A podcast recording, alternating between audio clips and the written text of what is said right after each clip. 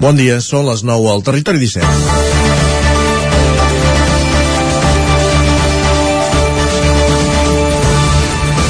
El proper dilluns farà exactament dos anys que el govern central va decretar l'estat d'alarma per la pandèmia del coronavirus. Després de les primeres setmanes de confinament més estrictes van anar encadenant diverses onades amb restriccions que fluctuaven en funció de múltiples factors el sanitari d'una banda, però també l'econòmic, el polític i el social. En aquests dos anys de pandèmia on han perdut la vida 26.714 persones a Catalunya per la Covid-19 han passat moltes coses. En l'esfera política internacional hi va haver un relleu accidental a la presidència dels Estats Units amb una sala al Capitoli esperonat per Donald Trump, que, per un Donald Trump que encara avui no ha paït la derrota a les urnes.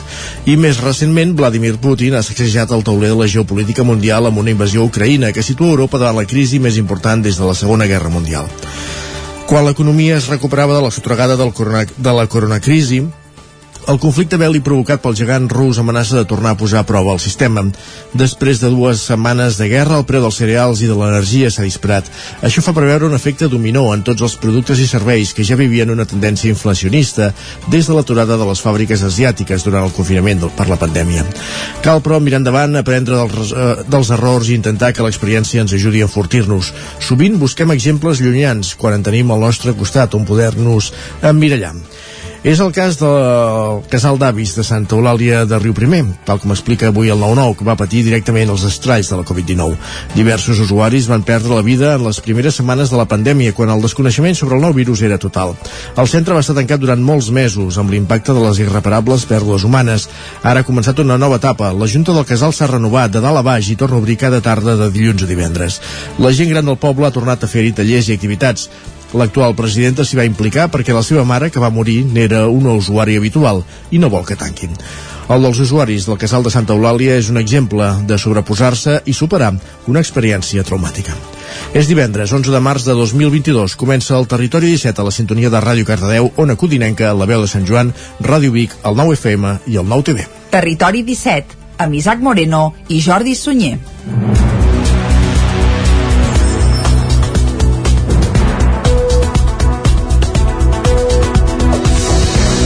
Passen dos minuts i mig de les 9 del matí d'avui divendres, dia 11 de març de 2022. Arrenca ara mateix un nou Territori 17 que avui, com sempre, durant la primera hora us acostarà tota l'actualitat de les nostres comarques. A partir de les 10, més informació i tot seguit arribarà, Isaac, l'entrevista.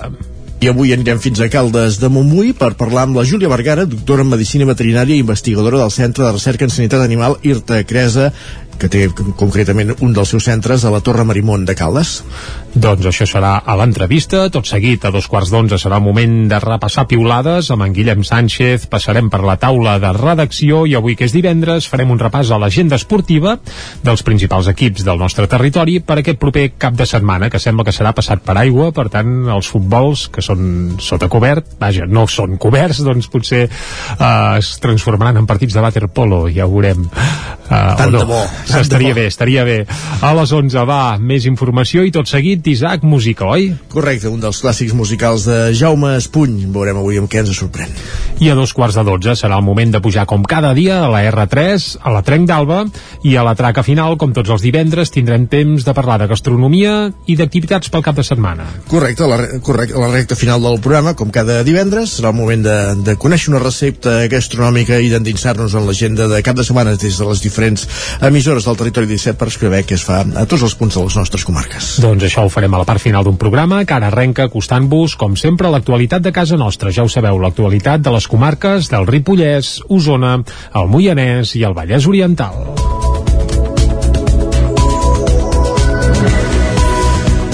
Continua l'arribada de persones d'Ucraïna a Osona, comarca on s'ha creat una campanya específica perquè els vincles infants d'aquell país amb l'ONG Osona amb els nens poden fer que acabi arribant un contingent important de refugiats. A finals d'aquesta setmana hi va haver acollides ja una seixantena de persones. Aquestes, aquesta campanya va ser un dels temes centrals tractats al Consell d'Alcaldes d'aquest dimecres.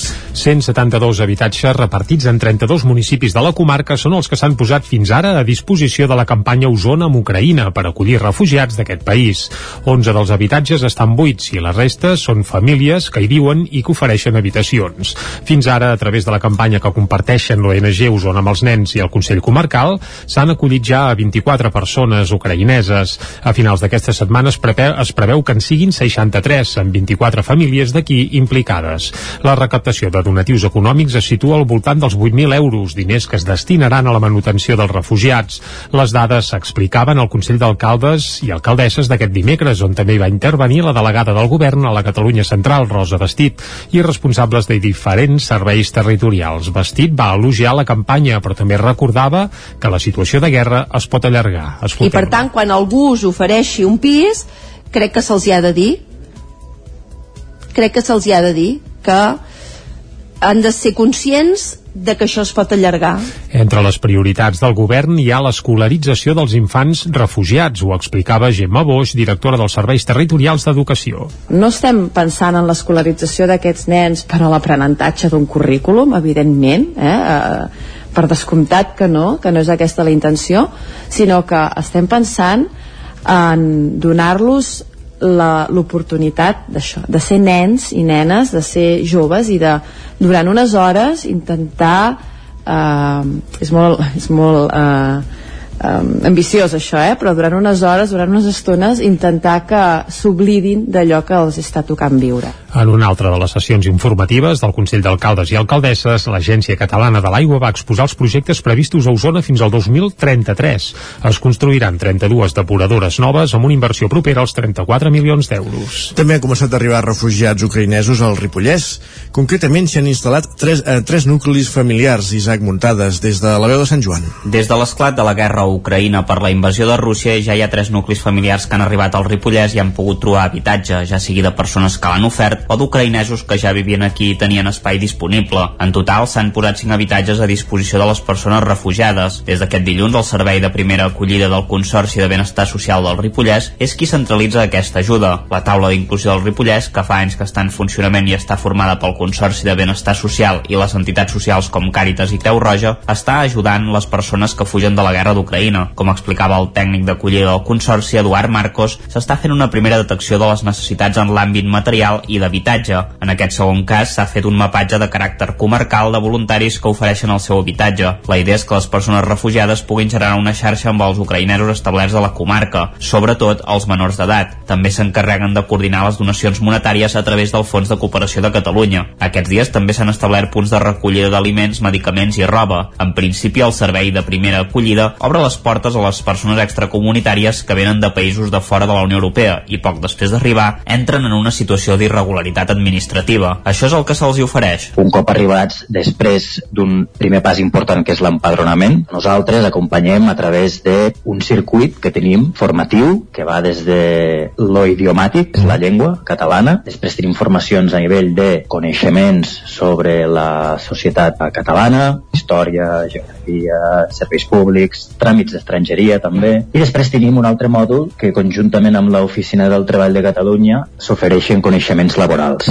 També se'ls fa un assessorament per resoldre dubtes, inquietuds o demandes relacionades amb la situació administrativa. En el darrer any s'han atès unes 200 persones en aquest servei. Per ajudar a les víctimes de la guerra a Ucraïna, el Servei d'Acollida del Ripollès ha penjat a les xarxes socials un calendari de dies d'atenció a la seva seu central del Consorci o en diferents pobles de la comarca. També s'hi pot contactar a través del telèfon 699 517 496. Granollers també acull 36 refugiats provinents d'Ucraïna. La meitat són menors de 16 anys. Núria Lázaro, des de Radio Televisió Cardedeu. L'Ajuntament de Granollers ha informat que el punt d'atenció a la comunitat ucraïnesa que s'ha habilitat a l'oficina d'acollida de Granollers ha atès des de dijous de la setmana passada i fins ahir 36 persones refugiades provinents d'Ucraïna que s'han instal·lat a la ciutat el 50% són menors de 16 anys i entre la població adulta el 90% són dones d'entre 36 i 65 anys. Totes les persones s'allotgen a casa de familiars o amics. El consistori ha explicat que es fa l'acollida a la ciutat, s'identifiquen les seves necessitats i es faciliten els tràmits per l'empadronament. També se'ls proporciona assessorament sobre els tràmits que cal fer per a l'obtenció de targeta sanitària i l'escolarització en el cas d'infants. Les dades de les persones ateses a l'oficina d'acollida s'envien a la Direcció General de Migració, Refugi i Antiracisme del Departament d'Igualtat i Feminismes que centralitza el registre. Canviant de qüestió però no de comarca, ens quedem al Vallès Oriental perquè SOS Vallès denuncia irregularitats a les obres del circuit de motocross de Can Bosch on hi havia l'antic camp de golf de Sant Feliu de Codines. Caral Campàs, des d'Ona Codinenca. SOS Vallès ha denunciat que les obres del circuit de motocross que s'estan executant a l'antic camp de golf de Can Bosch, a Sant Feliu de Codines, no estan respectant ni el traçat ni les mesures de protecció del medi natural contemplades al projecte aprovat per les administracions.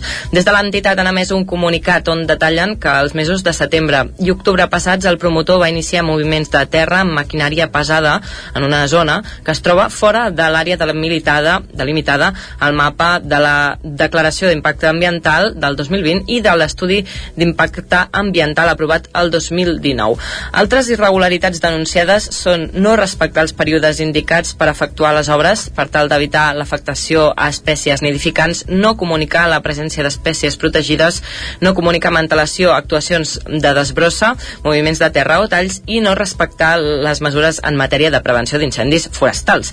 Per tot plegat han interposat una denúncia a la Unitat Regional de Medi Ambient dels Mossos i també han contactat contactat amb l'Oficina de Gestió Ambiental Unificada a Barcelona, que va ser l'organisme encarregat de donar el vistiplau al projecte. Segons Logau, correspondria a l'Ajuntament de Sant Feliu de Codines la realització d'un informe que exposi aquestes irregularitats per procedir a aturar les obres. Més qüestions. La Universitat de Vic eh, oferirà el grau en biomedicina i tres nous màsters universitaris al curs 22-23, el que ve. La Universitat de Vic posarà en marxa el curs vinent un nou grau en biomedicina que s'impartirà a la Facultat de Ciències i Tecnologia del Campus Vic i que se sumarà als 36 estudis de grau que ja s'oferien fins ara. Entre les novetats del pròxim curs acadèmic també destaca l'oferta de tres nous màsters universitaris. Un màster en alimentació i sostenibilitat i un en aplicació de pràctiques artístiques accessibles que s'ofertaran al campus Vic i un en Salut i Comunitat que s'ofertarà al campus Manresa. A més, el campus professional oferirà dos nous cicles formatius de grau superior, un sobre dietètica, que més suposarà la presència per primera vegada d'estudis universitaris a Manlleu, i un altre sobre comerç internacional que es farà a Manresa. Pel que fa a instal·lacions, el curs que ve també arrencarà amb novetats. Al campus Manresa es crearan dos nous equipaments pensats per organitzar la docència en entorns especialitzats en formació i al campus Vic s'estrenarà una àrea de simulació clínica integral per als estudis en l'àmbit de la salut i també uns nous laboratoris en biociències. També s'ampliaran els laboratoris d'enginyeria de l'automoció a la seu que hi ha a Granollers. Vic acollirà a partir de finals de mes el programa Endurance City of the Year. Es tracta de l'esdeveniment més important en el camp de l'hípica que es farà aquest any a Catalunya.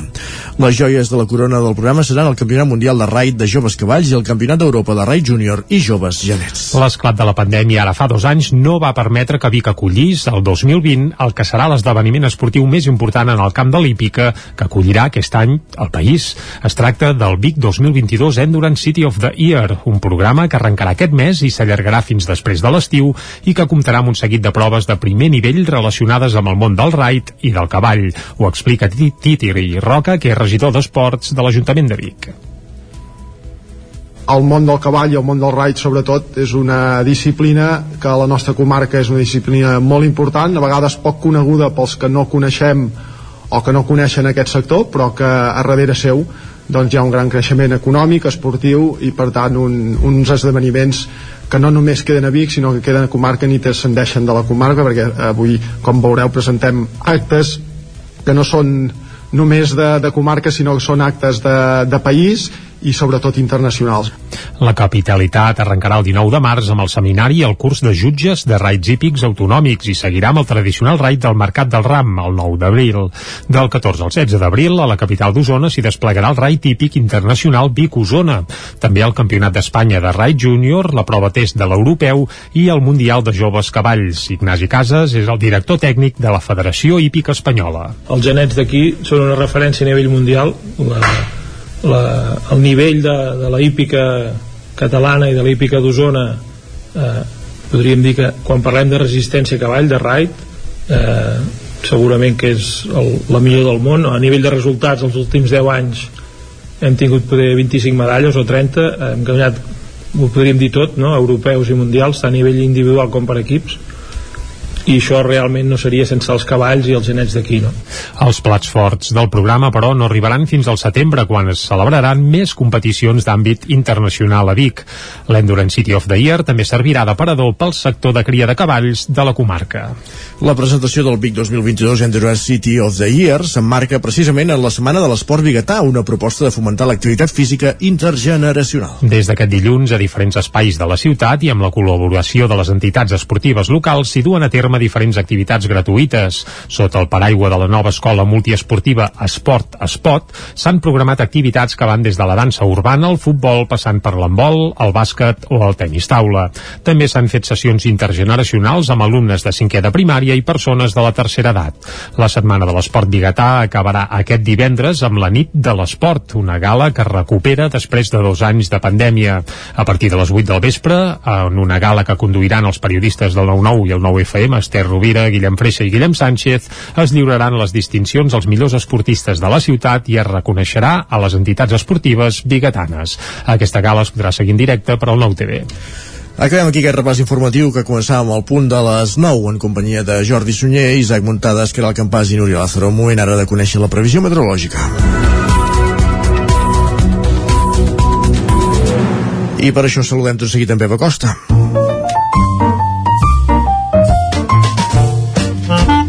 Casa Terradellos us ofereix el temps.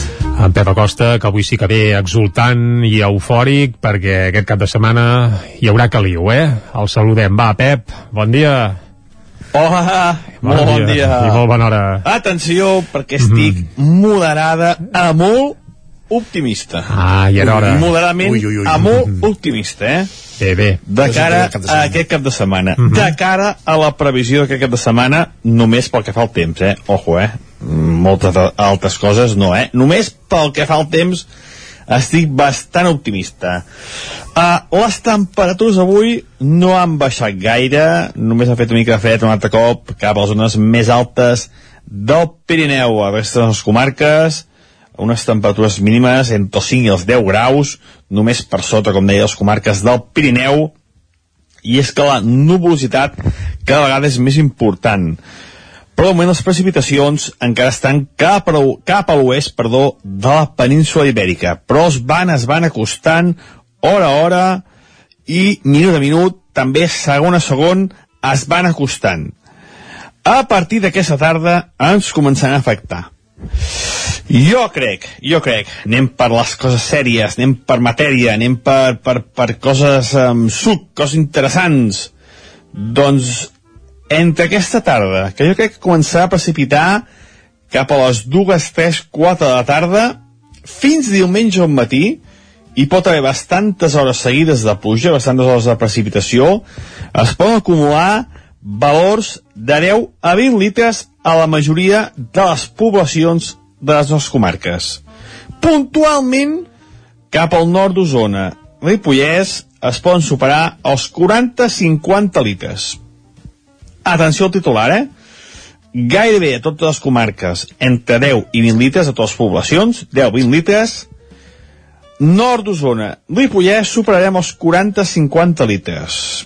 És el que està previst, és el que crec que caurà.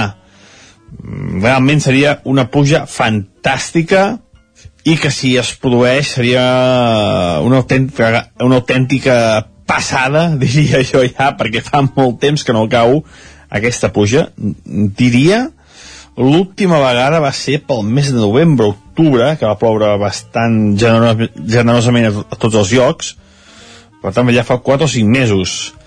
Les temperatures baixaran una mica, no gaire, la cota de neu voltarà als 1.400-1.500 metres, nevada moderada cap al Pirineu, els cims més alts de transversal i també cap al Montseny, serà la nevada moderada.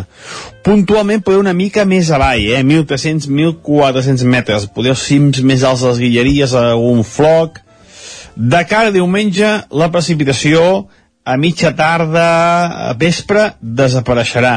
Aquest front ja haurà marxat i, per tant, ja no plourà més de cara a la tarda vespre de diumenge. Les temperatures diumenge molt semblants, vents molt variables i l'acumulat de pluja aquest, eh? eh superarem els 20 litres en alguna zona del peritoral i superarem els 50 litres en alguna zona del Pirineu. veurem què acaba passant però jo crec que els mapes més o menys seran uh, els verdaders, els que caurà i serà la cosa molt interessant serà un cap de setmana molt interessant perquè fa el temps doncs bé, ja tinc ganes que vingui aquesta pluja, ja tinc ganes que vingui aquesta nevada i això eh, ja tinc ganes, eh, entre comentes, que sigui dilluns per explicar-vos sobre què passarà. Lògicament també tinc ganes de disfrutar el cap de setmana. Que, bueno, no disfrutaré gaire perquè no tinc moltes coses a fer tampoc, però bueno, alguna cosa segur que, que em sortirà. Uh, ja veurem, veurem com es comporta el temps. Esperem, uh, crec, creuem els dits de que per fi aquesta precipitació sigui, sigui important, interessant i ens aporti l'aigua que tanta, tanta falta fa a les nostres comarques. Adeu! Doncs, Adéu. ostres, avui sí que ens porta bones notícies. En Pep, veurem què acaba passant. Ara veurem ara, aquests auguris amb què acaben. Va, d'aquí una estona el saludarem de nou, que actualitzi la informació i dilluns passarem comptes. Pues va, sí. I ara anem cap a fer un cop d'ull al quiosc. Casa Tarradellas us ha ofert aquest espai. Doncs moments de saber què diuen avui els diaris a les seves portades. És divendres, comencem repassant les portades del 9-9. Correcte, comencem per al 9-9 i comencem pel titular principal que diu la falta de cereal d'Ucraïna ja repercuteix en el preu de la carn. Això apareix a l'edició d'Osona i el Ripollès i s'explica també que el sector ramader d'Osona viu la crisi amb incertesa. I atenció perquè el blat de moro ha pujat un 43% en només 15 dies. És a dir, que més que la benzina gairebé.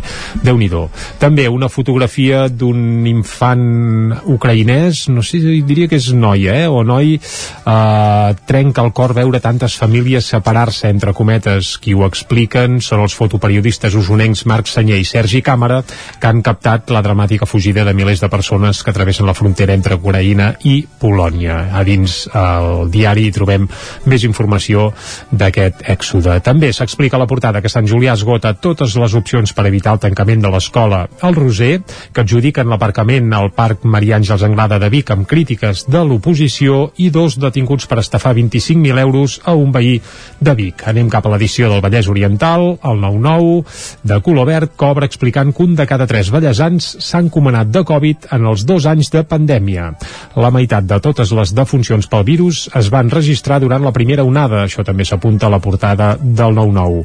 A més, convois solidaris amb Ucraïna d'anada i tornada, i a la fotografia s'hi veu veuen alumnes de l'escola Pere Anton que miren com carreguen caixes a un dels convois que s'ha de dirigir cap a Ucraïna. Més aparicions a la portada del 9-9 del Vallès Oriental, la pastisseria Puig Domènec crea un bombó de xocolata que reprodueix la pedra de l'encant de Granollers, l'element simbòlic i legendari que hi ha tocat a la plaça de la Porxada i apareix la Montse Domènec amb una fotografia amb un d'aquests bombons. I també el cas de tres agents dels Mossos d'Esquadra que van salvar la vida a Miquel Baja Bages, de 60 anys, que va patir una aturada cardiorespiratòria eh, davant la comissaria de Granollers, precisament, i bé, sembla que el van poder eh, salvar afortunadament.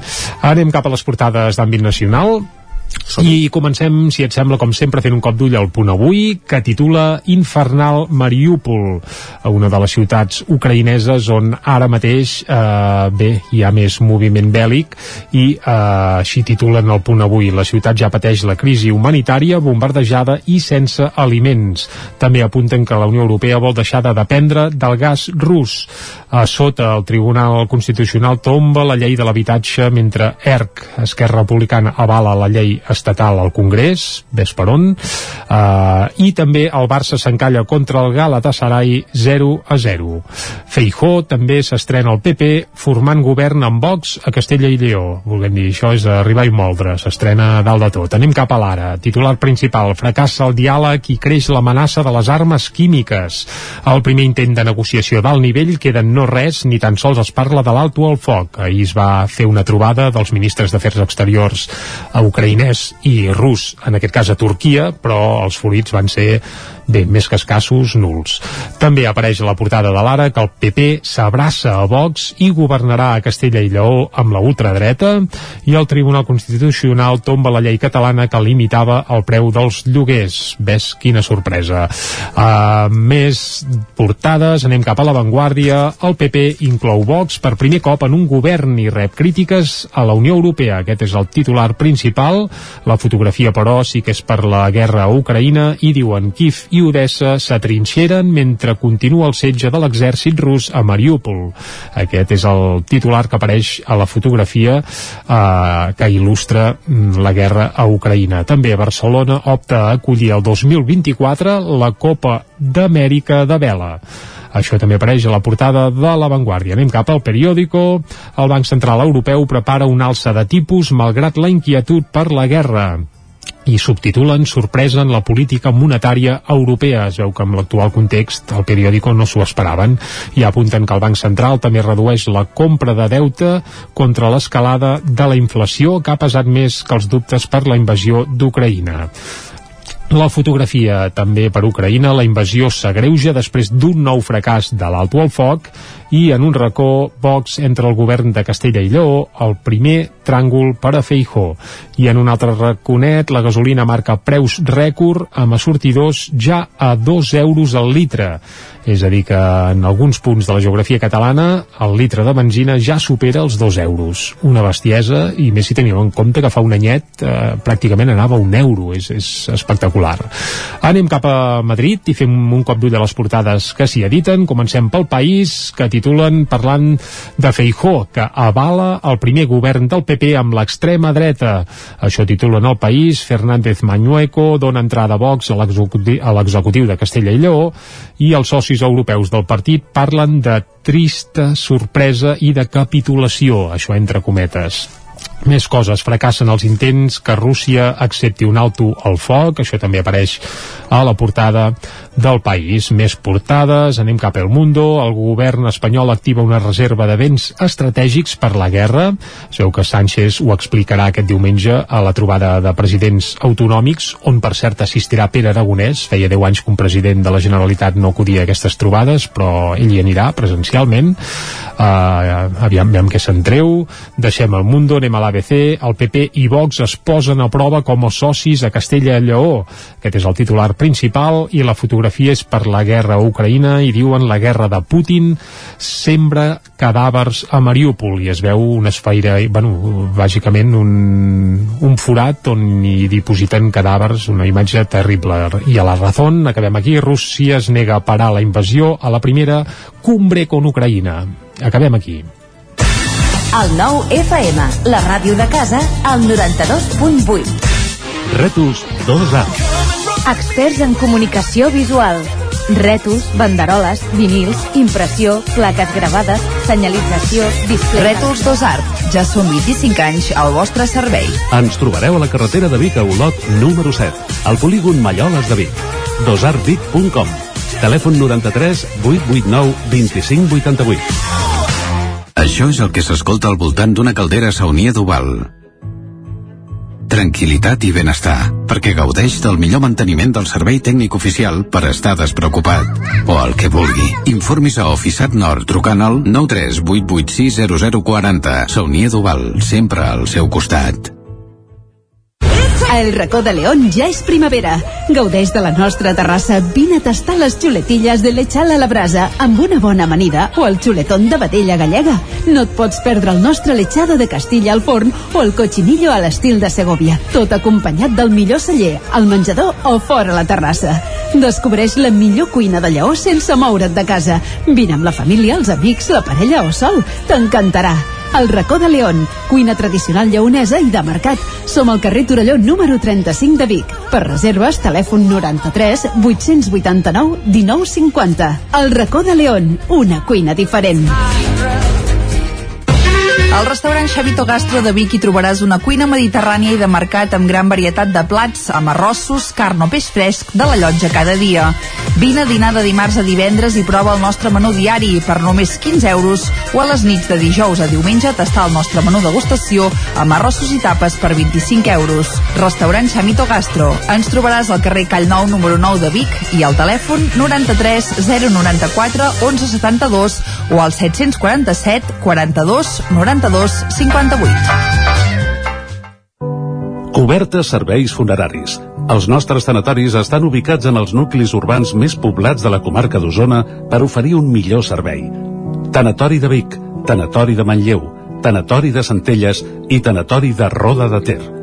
Sabem que són moments difícils i per això el nostre compromís és atendre-us en tot moment amb un tracte humà, sensible i respectuós. Cobertes serveis funeraris.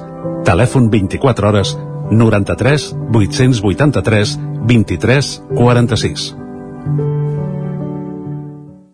Anuncia't al 9FM. La màquina de casa. 9 3 8 8 9 4 9 4 9. Publicitat arroba al 9FM.cat. Anuncia't al 9FM. La publicitat més eficaç. El 9 FM, el 9 FM, el 9 FM, el 9 FM, el 9 FM. En punt ara mateix dos quarts de deu. Territori 17, amb Isaac Moreno i Jordi Sunyer.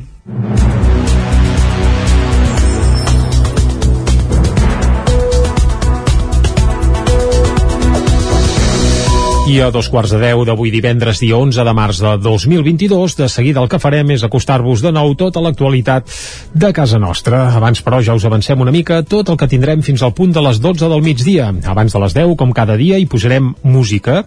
I avui, atenció, perquè qui escoltarem o qui descobrirem, perquè la veritat és que no és excessivament conegut, és el Momi Maiga. No, no, no massa, no.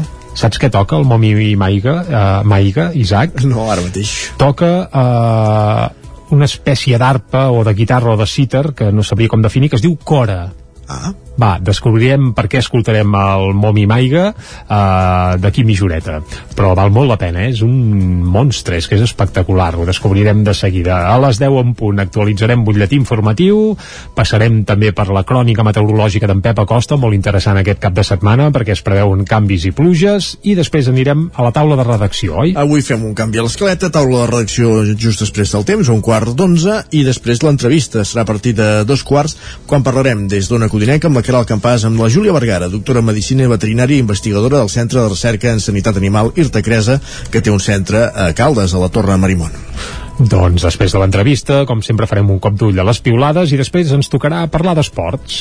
Correcte, repassarem l'agenda esportiva en connexió amb les diferents emissores del territori 17 just abans de l'informatiu de les 11. Correcte, i un cop actualitzem butlletí informatiu, després qui ens visitarà presencialment, a més, aquí als estudis del nou FM serà en Jaume Espuny. Que no vindrà sol, portarà un dels clàssics musicals de la seva discoteca i el compartirà. Gaudirem d'escoltar un clàssic musical un divendres més al territori 17. Més coses, a la darrera mitja hora tindrem temps de pujar al tren, a la R3, a la Trenc d'Alba, com cada dia, i després, com que és divendres, gastronomia i agenda pel cap de setmana. Correcte, la traca final per anar ben previnguts per aquest cap de setmana que no ens perdem cap detall de les coses que s'organitzen a casa nostra, a les nostres comarques. I ara el que toca, arribats a aquest punt, és com sempre acostar-vos de nou tota l'actualitat de casa nostra. Ja ho sabeu, l'actualitat de les comarques del Vallès Oriental, el Moianès, Osona i el Ripollès.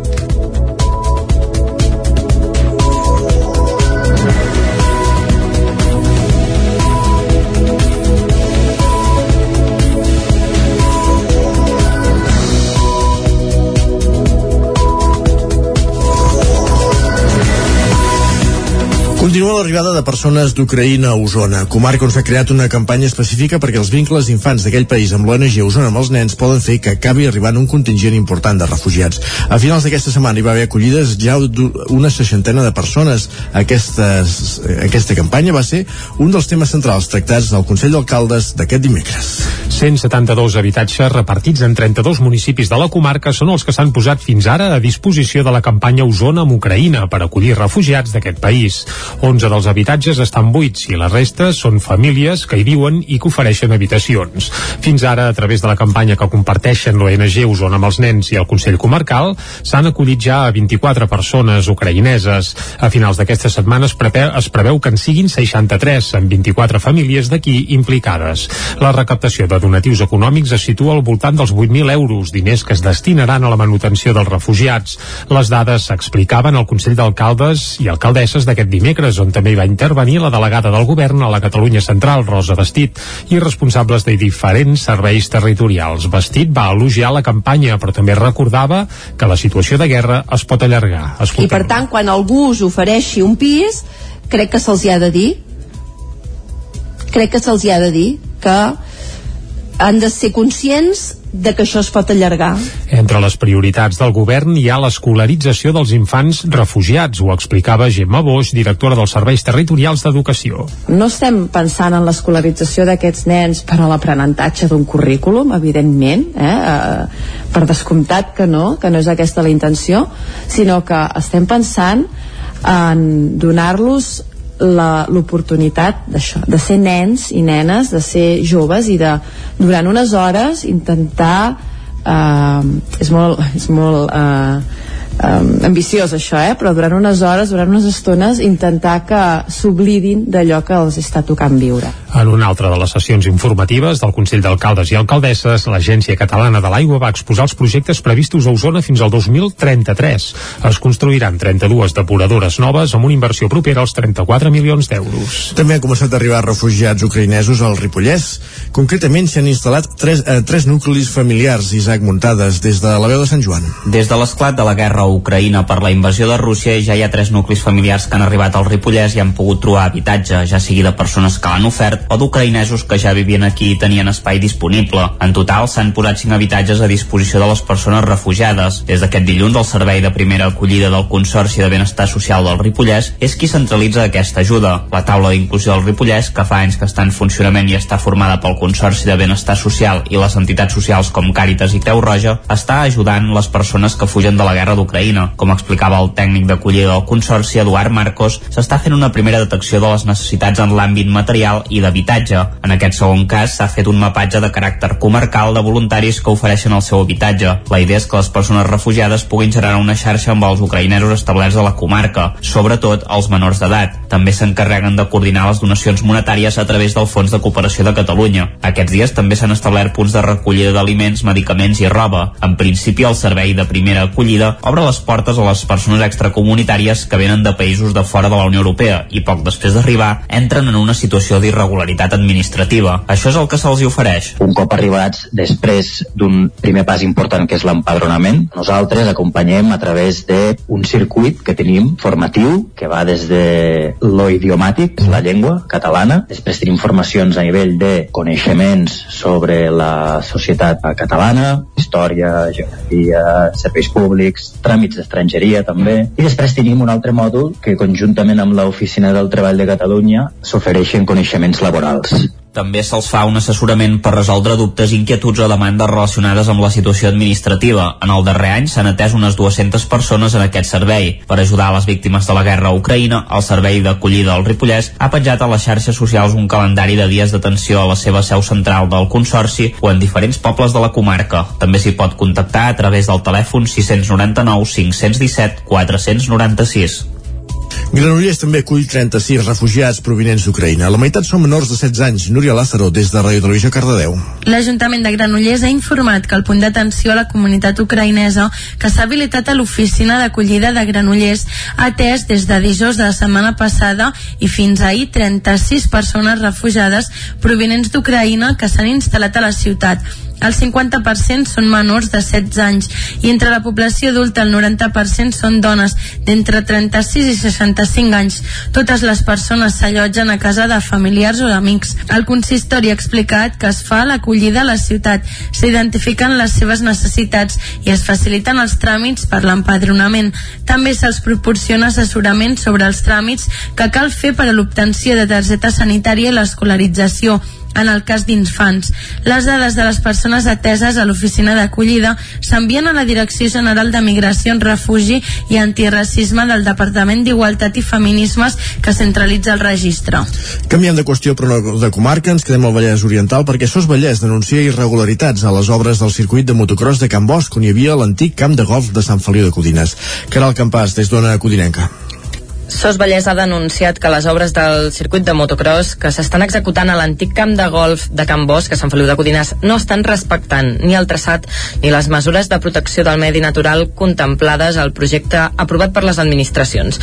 Des de l'entitat han emès un comunicat on detallen que els mesos de setembre i octubre passats el promotor va iniciar moviments de terra amb maquinària pesada en una zona que es troba fora de l'àrea delimitada, delimitada al mapa de la Declaració d'Impacte Ambiental del 2020 i de l'estudi d'impacte ambiental aprovat el 2019. Altres irregularitats denunciades són no respectar els períodes indicats per efectuar les obres per tal d'evitar l'afectació a espècies nidificants, no comunicar la presència d'espècies protegides, no comunicar amb antelació actuacions de desbrossa, moviments de terra o talls i no respectar les mesures en matèria de prevenció d'incendis forestals. Per tot plegat han interposat una denúncia a la Unitat Regional de Medi Ambient dels Mossos i també han contactat amb l'Oficina de Gestió Ambiental Unificada a Barcelona, que va ser l'organisme encarregat de donar el vistiplau al projecte. Segons Logau, correspondria a l'Ajuntament de Sant Feliu de Codines la realització d'un informe que exposi aquestes irregularitats per procedir a aturar les obres. Més qüestions. La Universitat de Vic eh, oferirà el grau en biomedicina i tres nous màsters universitaris al curs 22-23, el que ve. La Universitat de Vic posarà en marxa el curs vinent un nou grau en biomedicina que s'impartirà a la Facultat de Ciències i Tecnologia del Campus Vic i que se sumarà als 36 estudis de grau que ja s'oferien fins ara. Entre les novetats del pròxim curs acadèmic també destaca l'oferta de tres nous màsters universitaris. Un màster en alimentació i sostenibilitat i un en aplicació de pràctiques artístiques accessibles que s'ofertaran al Campus Vic i un en Salut i Comunitat que s'ofertarà al Campus Manresa. A més, el Campus Professional oferirà dos nous cicles formatius de grau superior, un sobre dietètica, que més suposarà la presència per primera vegada d'estudis universitaris a Manlleu, i un altre sobre comerç internacional que es farà a Manresa. Pel que fa a instal·lacions, el curs que ve també arrencarà amb novetats. Al Campus Manresa es crearan dos nous equipaments pensats per organitzar la docència en entorns especialitzats en formació i al Campus Vic s'estrenarà una àrea de simulació clínica integral per als estudis en l'àmbit de la salut i també uns nous laboratoris en biociències. També s'ampliaran els laboratoris d'enginyeria de l'automoció a la seu que hi ha a Granollers. Vic acollirà a partir de finals de mes del programa Endurance City of the Year. Es tracta de l'esdeveniment més important en el camp de l'hípica que es farà aquest any a Catalunya. Les joies de la corona del programa seran el Campionat Mundial de Raid de Joves Cavalls i el Campionat d'Europa de Raid Júnior i Joves Genets. L'esclat de la pandèmia ara fa dos anys no va permetre que Vic acollís el 2020 el que serà l'esdeveniment esportiu més important en el camp de l'hípica que acollirà aquest any al país. Es tracta del Vic 2022 Endurance City of the Year, un programa que arrencarà aquest mes i s'allargarà fins després de l'estiu i que comptarà amb un seguit de proves de primer nivell relacionades amb el món del raid i del cavall. Ho explica Titi Roca, que és regidor d'Esports de l'Ajuntament de Vic el món del cavall i el món del raid sobretot és una disciplina que a la nostra comarca és una disciplina molt important, a vegades poc coneguda pels que no coneixem o que no coneixen aquest sector però que a darrere seu doncs hi ha un gran creixement econòmic, esportiu i per tant un, uns esdeveniments que no només queden a Vic sinó que queden a comarca ni transcendeixen de la comarca perquè avui com veureu presentem actes que no són només de, de comarca sinó que són actes de, de país i sobretot internacionals. La capitalitat arrencarà el 19 de març amb el seminari i el curs de jutges de raids hípics autonòmics i seguirà amb el tradicional raid del Mercat del Ram el 9 d'abril. Del 14 al 16 d'abril a la capital d'Osona s'hi desplegarà el raid típic internacional Vic-Osona. També el Campionat d'Espanya de raid júnior, la prova test de l'europeu i el Mundial de Joves Cavalls. Ignasi Casas és el director tècnic de la Federació Hípica Espanyola. Els genets d'aquí són una referència a nivell mundial. La la, el nivell de, de la hípica catalana i de la hípica d'Osona eh, podríem dir que quan parlem de resistència a cavall, de raid eh, segurament que és el, la millor del món. A nivell de resultats els últims 10 anys hem tingut poder 25 medalles o 30 hem guanyat ho podríem dir tot, no? europeus i mundials a nivell individual com per equips i això realment no seria sense els cavalls i els genets d'aquí, no? Els plats forts del programa, però, no arribaran fins al setembre, quan es celebraran més competicions d'àmbit internacional a Vic. L'Endurance City of the Year també servirà d'aparador pel sector de cria de cavalls de la comarca. La presentació del Vic 2022 Endurance City of the Year s'emmarca precisament en la Setmana de l'Esport Biguetà, una proposta de fomentar l'activitat física intergeneracional. Des d'aquest dilluns, a diferents espais de la ciutat i amb la col·laboració de les entitats esportives locals s'hi duen a terme terme diferents activitats gratuïtes. Sota el paraigua de la nova escola multiesportiva Esport Espot s'han programat activitats que van des de la dansa urbana, el futbol, passant per l'handbol, el bàsquet o el tenis taula. També s'han fet sessions intergeneracionals amb alumnes de cinquè de primària i persones de la tercera edat. La Setmana de l'Esport Bigatà acabarà aquest divendres amb la nit de l'esport, una gala que recupera després de dos anys de pandèmia. A partir de les 8 del vespre, en una gala que conduiran els periodistes del 9-9 i el 9FM, Esther Rovira, Guillem Freixa i Guillem Sánchez, es lliuraran les distincions als millors esportistes de la ciutat i es reconeixerà a les entitats esportives bigatanes. Aquesta gala es podrà seguir en directe per al 9TV. Acabem aquí aquest repàs informatiu que començàvem al punt de les 9 en companyia de Jordi Sunyer, Isaac Montades, Caral Campàs i Núria Lázaro. Un moment ara de conèixer la previsió meteorològica. I per això saludem tot seguit en Pep Acosta.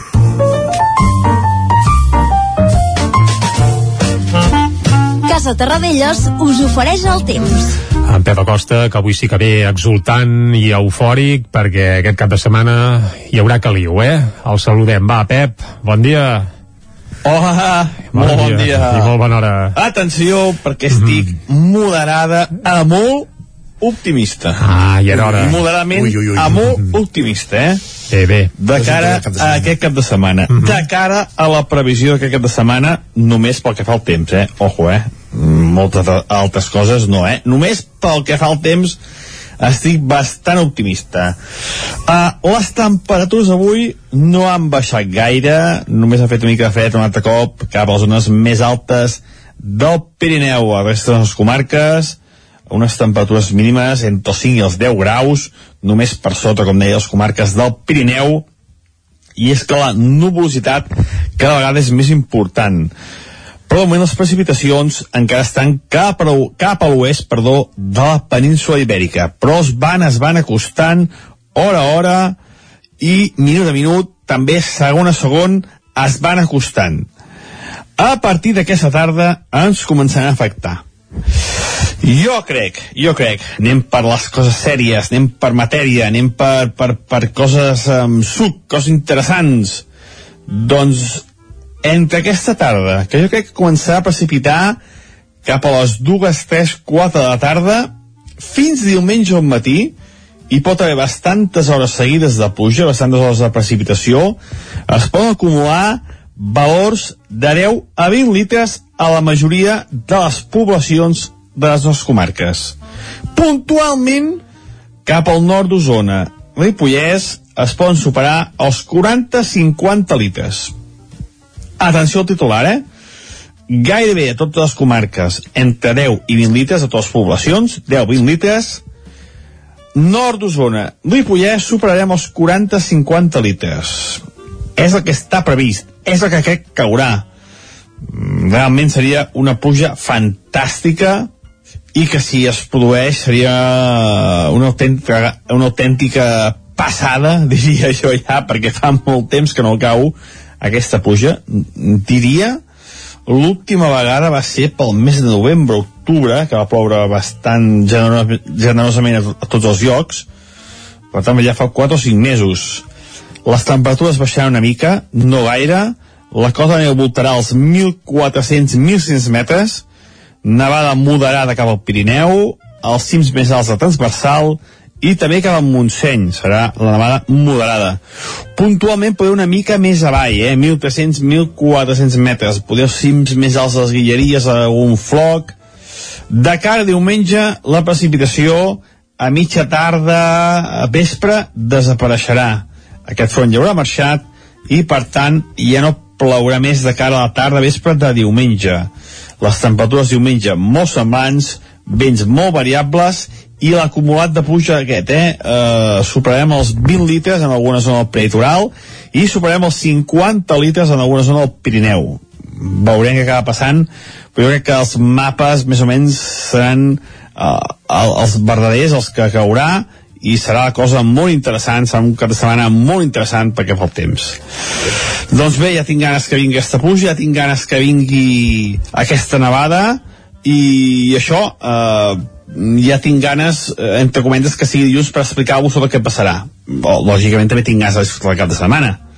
Que bueno, no hi fotré gaire perquè no tinc moltes coses a fer tampoc però bueno, alguna cosa segur que, que em sortirà. Uh, ja veurem, veurem com es comporta el temps. Esperem, uh, crec, creuem els dits de que per fi aquesta precipitació sigui, sigui important, interessant i ens aporti l'aigua que tanta, tanta falta fa a les nostres comarques. Adeu! Doncs, ostres, ah, avui sí que ens porta bones notícies. En Pep, veurem què acaba passant. Ara veurem Ara, aquests auguris amb què acaben. Va, d'aquí una estona el saludarem de nou, que actualitzi la informació i dilluns passarem comptes. Doncs va, sí. I ara anem cap a fer un cop d'ull al quiosc. Casa Tarradellas us ha ofert aquest espai. Doncs moments de saber què diuen avui els diaris a les seves portades. És divendres, comencem repassant les portades del 9-9. Correcte, comencem per al 9-9 i comencem pel titular principal que diu la falta de cereal d'Ucraïna ja repercuteix en el preu de la carn. Això apareix a l'edició d'Osona i el Ripollès i s'explica també que el sector ramader d'Osona viu la crisi amb incertesa. I atenció perquè el blat de moro ha pujat un 43% en només 15 dies. És a dir, que més que la benzina gairebé. déu nhi També una fotografia d'un infant ucraïnès, no sé si diria que és noia, eh, o noi, eh, trenca el cor veure tantes famílies separar-se, entre cometes, qui ho expliquen són els fotoperiodistes usonencs Marc Senyer i Sergi Càmera, que han captat la dramàtica fugida de milers de persones que travessen la frontera entre Ucraïna i Polònia. A dins el diari hi trobem més informació d'aquest èxode. També s'explica a la portada que Sant Julià esgota totes les opcions per evitar el tancament de l'escola El Roser, que adjudiquen l'aparcament al Parc Maria Àngels Anglada de Vic amb crítiques de l'oposició i dos detinguts per estafar 25.000 euros a un veí de Vic. Anem cap a l'edició del Vallès Oriental, el 9-9, de color verd, cobra explicant que un de cada tres ballesans s'han comanat de Covid en els dos anys de pandèmia. La meitat de totes les defuncions pel virus es van registrar durant la primera onada, això també s'apunta a la portada del 9-9. A més, convois solidaris amb Ucraïna d'anada i tornada, i a la fotografia s'hi veuen alumnes de l'escola Pere Anton que miren com carreguen caixes a un dels convois que s'ha de dirigir cap a Ucraïna. Més aparicions a la portada del 9-9 del Vallès Oriental, la pastisseria Puig Domènec crea un bombó de xocolata que reprodueix la pedra de l'encant de Granollers, l'element simbòlic i llegendari que hi ha tocat a la plaça de la Porxada i apareix la Montse Domènec amb una fotografia amb un d'aquests bombons. I també el cas de tres agents dels Mossos d'Esquadra que van salvar la vida a Miquel Bages, de 60 anys, que va patir una aturada cardiorrespiratòria eh, davant la comissaria de Granollers, precisament, i bé, sembla que el van poder eh, salvar afortunadament. Anem cap a les portades d'àmbit nacional i comencem, si et sembla, com sempre, fent un cop d'ull al punt avui, que titula Infernal Mariúpol, una de les ciutats ucraïneses on ara mateix, eh, bé, hi ha més moviment bèl·lic i eh, així titulen el punt avui. La ciutat ja pateix la crisi humanitària, bombardejada i sense aliments. També apunten que la Unió Europea vol deixar de dependre del gas rus. A sota, el Tribunal Constitucional tomba la llei de l'habitatge mentre ERC, Esquerra Republicana, avala la llei estatal al Congrés, ves per on, uh, i també el Barça s'encalla contra el Galatasaray 0 a 0. Feijó també s'estrena al PP formant govern amb Vox a Castella i Lleó. Volguem dir, això és arribar i moldre, s'estrena dalt de tot. Anem cap a l'ara. Titular principal, fracassa el diàleg i creix l'amenaça de les armes químiques. El primer intent de negociació d'alt nivell queda no res, ni tan sols es parla de l'alto al foc. Ahir es va fer una trobada dels ministres d'Afers Exteriors a ucraïnès i rus, en aquest cas a Turquia, però els fruits van ser bé, més que escassos, nuls. També apareix a la portada de l'Ara que el PP s'abraça a Vox i governarà a Castella i Lleó amb la ultradreta i el Tribunal Constitucional tomba la llei catalana que limitava el preu dels lloguers. Ves quina sorpresa. Uh, més portades, anem cap a l'avantguàrdia. El PP inclou Vox per primer cop en un govern i rep crítiques a la Unió Europea. Aquest és el titular principal. La fotografia, però, sí que és per la guerra a Ucraïna i diuen Kiev i Odessa s'atrinxeren mentre continua el setge de l'exèrcit rus a Mariúpol. Aquest és el titular que apareix a la fotografia eh, que il·lustra mm, la guerra a Ucraïna. També a Barcelona opta a acollir el 2024 la Copa d'Amèrica de Vela. Això també apareix a la portada de La Vanguardia. Anem cap al periòdico. El Banc Central Europeu prepara una alça de tipus malgrat la inquietud per la guerra i subtitulen Sorpresa en la política monetària europea. Es veu que amb l'actual context el periòdico no s'ho esperaven i apunten que el Banc Central també redueix la compra de deute contra l'escalada de la inflació que ha pesat més que els dubtes per la invasió d'Ucraïna. La fotografia també per Ucraïna, la invasió s'agreuja després d'un nou fracàs de l'alto al foc i en un racó Vox entre el govern de Castella i Lleó, el primer tràngol per a Feijó. I en un altre raconet, la gasolina marca preus rècord amb assortidors ja a 2 euros al litre. És a dir, que en alguns punts de la geografia catalana el litre de benzina ja supera els 2 euros. Una bestiesa, i més si teníem en compte que fa un anyet eh, pràcticament anava un euro. És, és espectacular. Anem cap a Madrid i fem un cop d'ull a les portades que s'hi editen. Comencem pel país, que titulen parlant de Feijó, que avala el primer govern del PP amb l'extrema dreta. Això titulen el país, Fernández Mañueco dona entrada a Vox a l'executiu de Castella i Lleó i els socis europeus del partit parlen de trista sorpresa i de capitulació, això entre cometes. Més coses, fracassen els intents que Rússia accepti un alto al foc, això també apareix a la portada del país. Més portades, anem cap al Mundo, el govern espanyol activa una reserva de béns estratègics per la guerra. Veu que Sánchez ho explicarà aquest diumenge a la trobada de presidents autonòmics, on per cert assistirà Pere Aragonès. Feia 10 anys que un president de la Generalitat no acudia a aquestes trobades, però ell hi anirà presencialment. Uh, aviam, aviam què se'n treu. Deixem el Mundo, anem a l'ABC, el PP i Vox es posen a prova com a socis a Castella i Lleó. Aquest és el titular principal i la fotografia és per la guerra a Ucraïna i diuen la guerra de Putin sembra cadàvers a Mariúpol i es veu un esfaire, bueno, bàsicament un, un forat on hi dipositen cadàvers, una imatge terrible. I a la Razón, acabem aquí, Rússia es nega a parar la invasió a la primera cumbre con Ucraïna. Bé, Cumbre. cimera, cimera, la primera cimera amb Ucraïna, tiràvem pel dret i a vegades el traductor ens, ens falla. Uh, com també falla la cimera. Bé, almenys l'única cosa que van acordar és que es tornarien a trobar. Aviam si ho fan ràpid, via i amb resultats, perquè si no uh, els estralls que ja estem veient que estan succeint a Ucraïna aniran a més i això seria, és ja terrible. Uh, fet aquest apunt, parlem de música. Va, som -hi. Parlem de música i avui hem dit que us parlaríem del Momi Maiga. En Momi Maiga és un jove de 24 anys que diuen que és el millor uh, músic de cora del món. Carai. La cora ja hem dit que és una espècie de... A mi em recorda un cítar, bé, no, no el coneixia de res, eh? m'he hagut, de, he hagut de gratar una mica, eh? és com un cítar, arpa, guitarra, tot barrejat, i al fons la caixa és una espècie de carbassa buida, i es veu que és un virtuós d'aquest instrument, i aquest instrument es podrà veure i escoltar avui en directe a partir de les 8 del vespre a l'espai ETC de Vic, ah. perquè el Momi Maiga hi actuarà. Uh, per cert que l'entrada és gratuïta, per tant, uh, un esquer més per, per treure el cap, i el Momi Maiga no estarà sol, estarà acompanyat de l'Aleix Tobias, que és un percussionista català de reconegut prestigi internacional. També hi haurà el Martín Meléndez, que toca el violoncel i que és cubà, i el Carlos Montfort, que toca el violí i és mexicà. Per tant, músics d'arreu del món, amb una proposta diferent, per orelles despertes i sense gaires manies, i amb la veu i la cora del Momi Maiga. Per cert, el Momi Maiga és de, del Senegal, però avui aterrarà a Vic per presentar aquest seu projecte, que si et sembla ara escoltarem fins a arribar al punt de les 10. Som Música diferent, per un concert diferent, molt aconsellable. Recordem-ho, avui a les 8 del vespre a l'Espai ETC de Vic.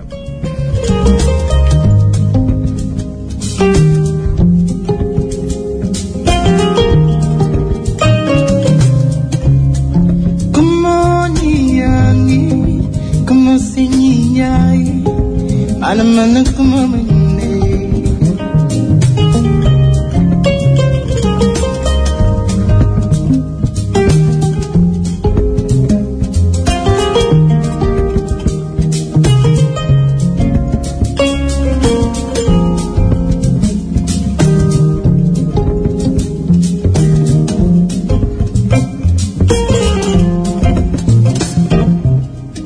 أن تواكب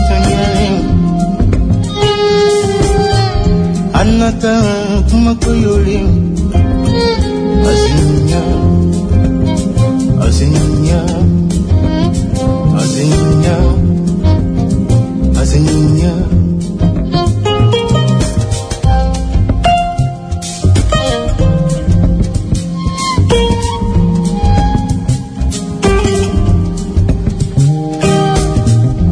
Kupicului sawadia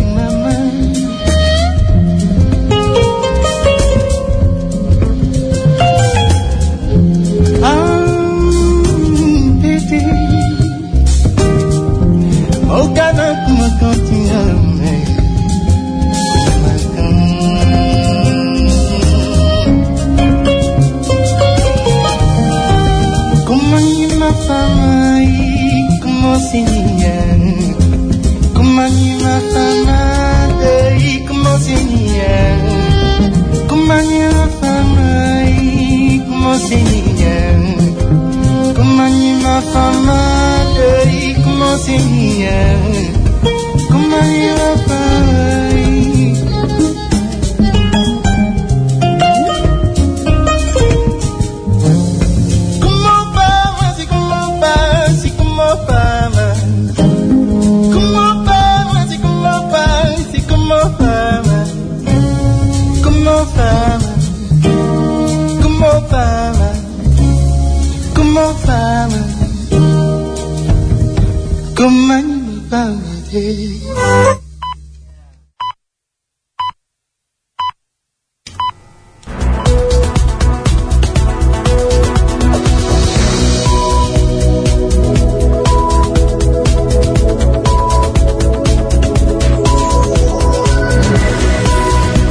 Al territori 17 de posar-nos al dia, d'actualitzar-nos amb les notícies més destacades de les nostres comarques i ho farem com cada dia en connexió amb les diferents emissores que diàriament fan possible el territori 17, que són Ràdio Cardedeu, La Veu de Sant Joan, Ona Codinenca, Ràdio Vic, el 9 FM i el 9 TV. A aquesta hora us expliquem que l'Hospital de Granollers vol contractar 150 nous infermers i infermeres. S'incorporaran al servei al nou edifici sanitari del carrer Girona i a l'ampliació del mateix hospital que es preveu que estigui operativa a finals d'any. Ens ho explica la Núria Lázaro des de Ràdio Televisió Cardedeu. L'Hospital de Granollers ha engegat una campanya per mirar d'incorporar professionals de diferents sectors com la infermeria, la medicina i l'administració de cara a les necessitats de personal que preveu tenir quan entrin en servei els projectes d'ampliació d'equipaments previstos durant els propers mesos. Només en personal d'infermeria les necessitats es calculen en uns 150 nous professionals. La directora d'infermeria de la Fundació Hospital Asil de Granollers, Sarai Allen, explica que a mitjans d'any es preveu l'entrada en servei del Centre de Salut de Granollers al carrer Girona, al lloc on hi havia l'antiga policlínica, on hi haurà sis quiròfans de cirurgia ambulatòria, a més de les consultes d'atenció ambulatòria d'oftalmologia i anestèsia. A final d'any es preveu que estigui enllestida l'ampliació de l'hospital amb l'anomenat edifici compacte que està construït a la carretera de Cardedeu, on hi havia l'aparcament habitat per l'Ajuntament. A la planta baixa hi haurà el nou servei d'urgències i de diagnòstic per la imatge amb uns 4.000 metres quadrats de superfície connectats amb l'actual servei d'urgències i que permetran millorar el triatge dels malalts i reduir el temps d'espera. A més, Allen explica que l'ampliació permetrà treballar de forma modular, és a dir, anar obrint nous dispositius en funció de les necessitats de cada moment, com passa ara amb la PIUC a l'hivern. A la planta superior hi haurà nou llits d'UCI que se sumaran als 20 actuals. També hi haurà una unitat Covid amb 20 llits distribuïts de manera similar a una unitat de rehabilitació, de manera que es podrien convertir en una unitat de reanimació postquirúrgica en una segona fase que inclouria la creació de 14 quiròfans més. Així es reduiria la llista d'espera de les intervencions quirúrgiques. I de Granollers a Vic, perquè moltes companyies que gestionen el servei d'aigua enfoquen les seves millores cap a la lectura telemàtica dels comptadors. És el cas d'Aigües Vic, eh, que el 100% de les lectures ja estan automatitzades, amb dades de consum diàries i fins i tot horàries. Això està gràcies al procés de digitalització que ha fet l'empresa els últims 5 anys amb una inversió total de 2 milions d'euros. Aquests dies Aigües Vic està actuant per millorar la xarxa a la zona del carrer Sant Jordi de Vic, al barri dels Caputxins. Era considerat un punt calent amb incidències que calia solucionar. La digitalització de bona part dels processos tecnològics que la companyia va començar a fer el 2016 ha permès, entre d'altres, tenir la xarxa d'aigua del tot monitoritzada. Alhora, el tractament de les dades obtingudes és la base per anticipar-se a possibles incidències. Un dels principals reptes ara és en la millora dels conductes, ja que el 20% encara són de, vi, de fibrociment.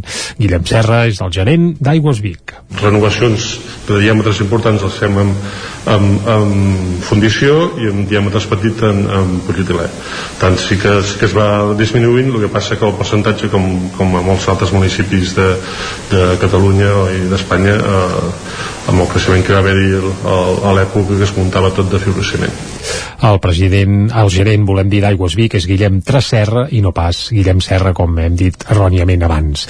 Aquest és només un dels molts exemples dels avantatges del canvi tecnològic consolidat ja a Aigües Vic. En 5 anys s'han invertit 2 milions d'euros per aplicar avenços als diferents processos dels circuits des de la captació fins a la distribució final. El més important és haver pogut sectoritzar la xarxa d'aigua i disposar ja del 100% dels 25.000 comptadors amb telelectura. D'aquests, el 78% recullen dades de consum horàries i la resta ho fan amb dades diàries. L'avís de sobreconsums també és un dels èxits de la inversió en digitalització. Ho detalla Anna Raga, responsable d'atenció al client d'Aigües Vic. Abans això ho detectàvem, però ho detectàvem al cap de 3 mesos, quan anàvem a llegir. Això suposava que havíem perdut molta aigua, que hi havia una factura, que ja hi ha unes tarifes per fuita, però eh, primer hi havia la, fuita, la factura elevada, després s'havia d'arreglar. Aigües Vic ara mateix presta servei d'aigua en baixa a Vic, a Gurb, a Santa Cecília de Voltregà i a Muntanyola, i en alta també a Santa Eulàlia de Riu Primer. Més qüestions. La comunitat energètica local de Caldes de Montbui, la CEL, compta amb una quarantena d'inscrits després de la fira d'inauguració d'aquest cap de setmana. Caral Campàs, des d'Ona Codinenca. Un total de 36 persones es van inscriure dissabte al matí a la comunitat energètica local de Caldes, la CEL impulsada des de l'Ajuntament. Va ser en el marc de la festa ciutadana Obrim la CEL que va tenir lloc a la plaça Catalunya coincidint amb el Dia Mundial de l'Eficiència Energètica i que va servir per engegar oficialment aquesta nova comunitat. A banda, durant l'acte es van atendre 96 persones més que volien informar-se. Tomàs Molina és el popular meteoròleg que ara mateix és el padrí de la CEL i va pronunciar aquestes paraules. No només que hi cregui, sinó és que és el que ha de ser. I és el que recomanen totes les eh, agències de científics en el, en el sisè informe del canvi climàtic, és una de les coses que recomanen. És a dir, que la ciutadania ha de participar de forma activa, personal, però també coordinada, per, per, per fer que les coses passin. I això és el que esteu fent aquí. Esteu fent aquesta comunitat eh, que a vegades costa, perquè dius, ostres, m'he de posar unes plaques solars jo, és difícil, no? O no sé com fer-ho. En canvi, si t'ho posen fàcil, ho fas, no? És un, és un tema de, de, de, de, de comoditat, anem a dir-ho d'aquesta manera. Aquí ho posaran fàcil i jo crec que això funcionarà i serà clar, Caldes de Montbui és un municipi eh, pot ser un exemple per d'altres municipis de Catalunya. Per la seva banda, l'alcalde Isidre Pineda va desgranar tots els missatges que pretenia llançar la jornada de dissabte. És el de la contribució a l'energia verda i, per tant, el de la lluita contra el canvi climàtic des d'aquí, des de Caldes de Montbui. El segon és el de la necessitat de la rebaixa de la factura de la llum pels calderins i les calderines. El tercer és el de la sobirania local. És important crear sobiranies locals també des de nivell energètic. El quart és el de la democratització de l'energia i la participació dels veïns i veïnes de Caldes de Montbui. Per tant, sota tots aquests criteris, sota aquests conceptes, convidem els calderins i les calderines a partir d'avui, en aquesta primera jornada d'acció climàtica, a sumar-se a la comunitat energètica local de Caldes. La prova que aquesta comunitat energètica pública és un èxit és que al costat de la que impulsa l'Ajuntament en sorgeixen d'altres d'iniciativa privada, com per exemple la comunitat energètica de Can Forns, una iniciativa d'Electra Caldense. Gràcies, Caral. Més qüestions. Eh, anem a Osona, perquè Roda de Ter ha rebut la donació d'un oratori de Barcelona que va encarregar en el seu moment l'empresària Tecla Sala. És obra de l'arquitecte Francesc Folguera, autor de la façana del monestir de Montserrat. Entre els anys 1929 i 1931, l'empresària tèxtil de Roda de Ter, Tecla Sala, va fer construir una casa a la cantonada entre els carrers Pau Claris i Casp de Barcelona. L'edifici seguia l'estil racionalista marcat per l'arquitecte de referència de la Rodenca, Francesc Folguera, autor també del poble espanyol l'Estanyol de Montjuïc o de la façana del monestir de Montserrat. La façana de l'edifici la presideix un Sant Jordi sense armes que li dona el nom de Casal Sant Jordi i que els darrers anys ha estat la seu del Departament de Justícia de Barcelona.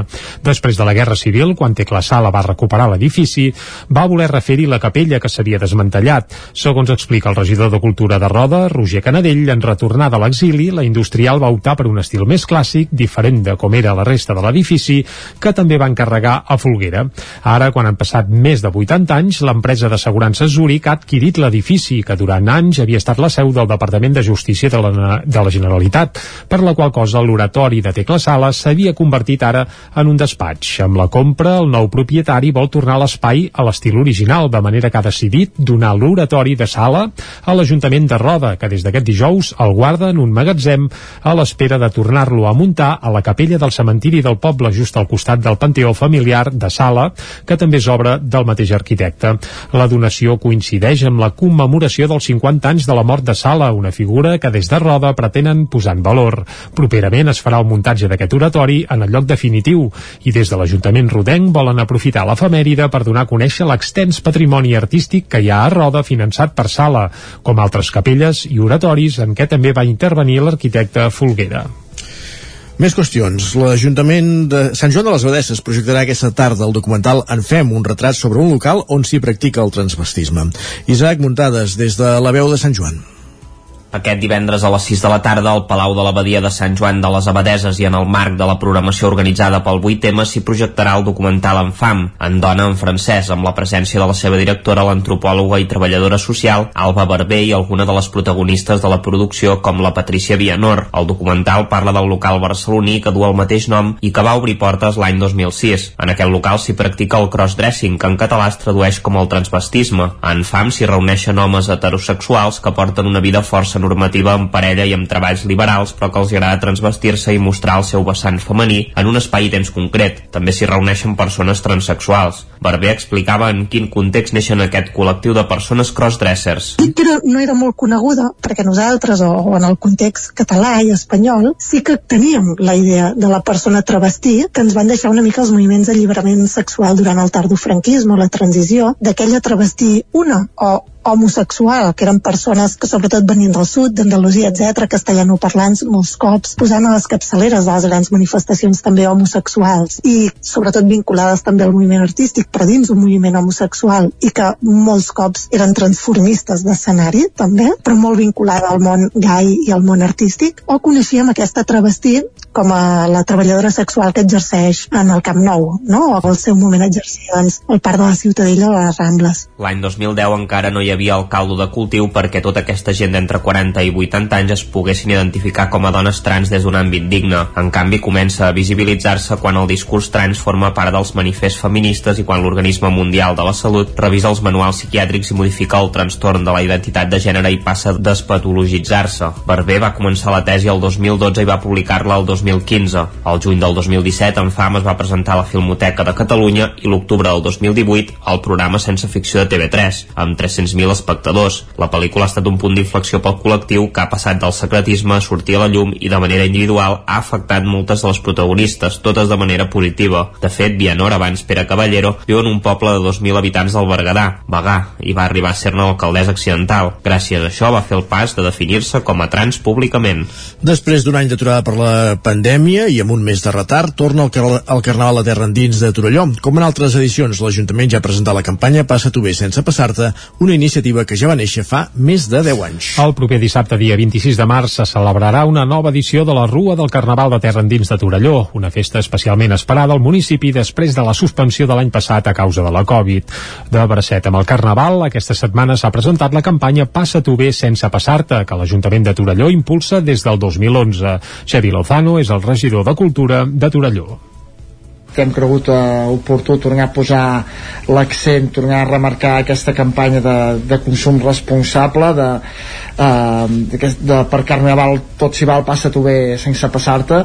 Una campanya que crec que fa 10 anys que s'està fent des del, des del 2011 que es va presentar per primera vegada que ha anat creixent, que ha anat fent taca d'oli la iniciativa que promou un carnaval sense riscos i segur, sense consum desenfrenat d'alcohol i lliure de qualsevol classe de violència, doncs fa 10 anys que està viva i activa. Es repartiran prop de 9.000 ampolles d'aigua gratuïtes i a les tres grans festes del Carnaval Torellonenc, el Pollasso, Senyoretes i Homenots i a la Rua, i també al Terra Endins Festival, s'hi instal·laran punts liles. El Carnaval aplega cada any prop de 25.000 persones en una població que en té 14.000. És per això que l'Ajuntament de Torelló també proporcionarà un servei de busos pels joves que venen d'altres municipis perquè puguin tornar a casa sense haver de portar ells el cotxe. La campanya per Carnaval tot s'hi val, passar, passa-t'ho bé sense passar-te, també ha actualitzat la seva imatge gràfica i recordem que avui divendres el Teatre Sirvianum de Torelló acollirà eh, la presentació del Carnaval de Terra Endins. Eh, servirà per conèixer qui és el nou rei o reina Carnestoltes aquest any. Això serà avui al vespre al Teatre Sirvianum de Torelló. I ara és moment de conèixer la previsió meteorològica.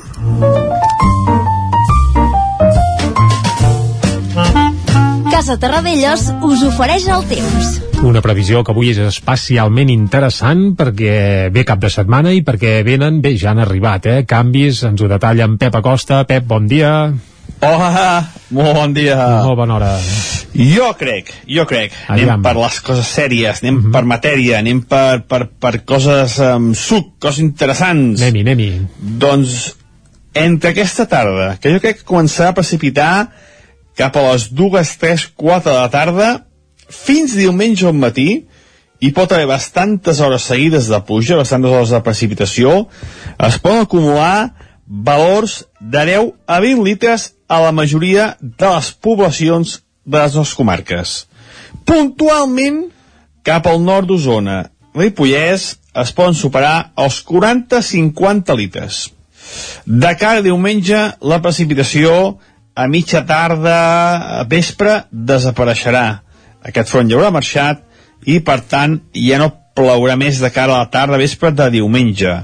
Les temperatures diumenge molt semblants, vents molt variables i l'acumulat de pluja aquest, eh? eh? Superarem els 20 litres en alguna zona del peritoral i superarem els 50 litres en alguna zona del Pirineu. Veurem què acaba passant, però jo crec que els mapes més o menys seran eh, els verdaders, els que caurà, i serà la cosa molt interessant, serà un cap de setmana molt interessant perquè fa el temps. Doncs bé, ja tinc ganes que vingui aquesta pluja, ja tinc ganes que vingui aquesta nevada, i això, eh, ja tinc ganes, eh, entre comentes, que sigui dilluns per explicar-vos el que passarà. Lògicament també tinc ganes de disfrutar el cap de setmana, que bueno, no disfrutaré gaire perquè no tinc moltes coses a fer tampoc, però bueno, alguna cosa segur que, que em sortirà uh, ja veurem, veurem com es comporta el temps esperem, uh, crec, creuem els dits de que per fi aquesta precipitació sigui, sigui important, interessant i ens aporti l'aigua que tanta, tanta falta fa a les nostres comarques. Molt bon cap de setmana i dilluns ens escoltem. Adeu. Bon cap de setmana. Home, ell que no té gaire res a fer, ens ho ha comentat el cap de setmana, mira, que s'entretengui mirant el temps, que evidentment estarà mogut el tema, sembla, sembla. Molt bé, fet aquest apunt, avui no anem ara cap a l'entrevista, Anem a sinó la que anem a la taula de redacció. Casa Tarradellas us ha ofert aquest espai. Territori 17. Envia'ns les teves notes de veu per WhatsApp al 646 079 023. 646 079 023. WhatsApp Territori 17.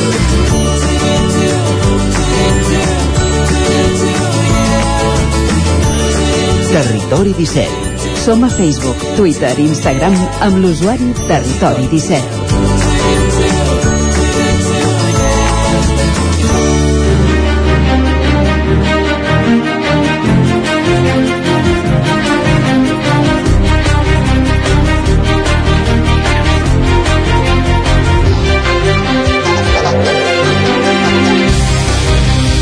Com dèiem, avui avancem a la taula de redacció. L'entrevista amb Júlia Vergara la farem a partir de dos quarts d'onze i aquí ens acompanya ara mateix a la taula de redacció és en Guillem Freixa, qui ja saludem. Bon dia, Guillem.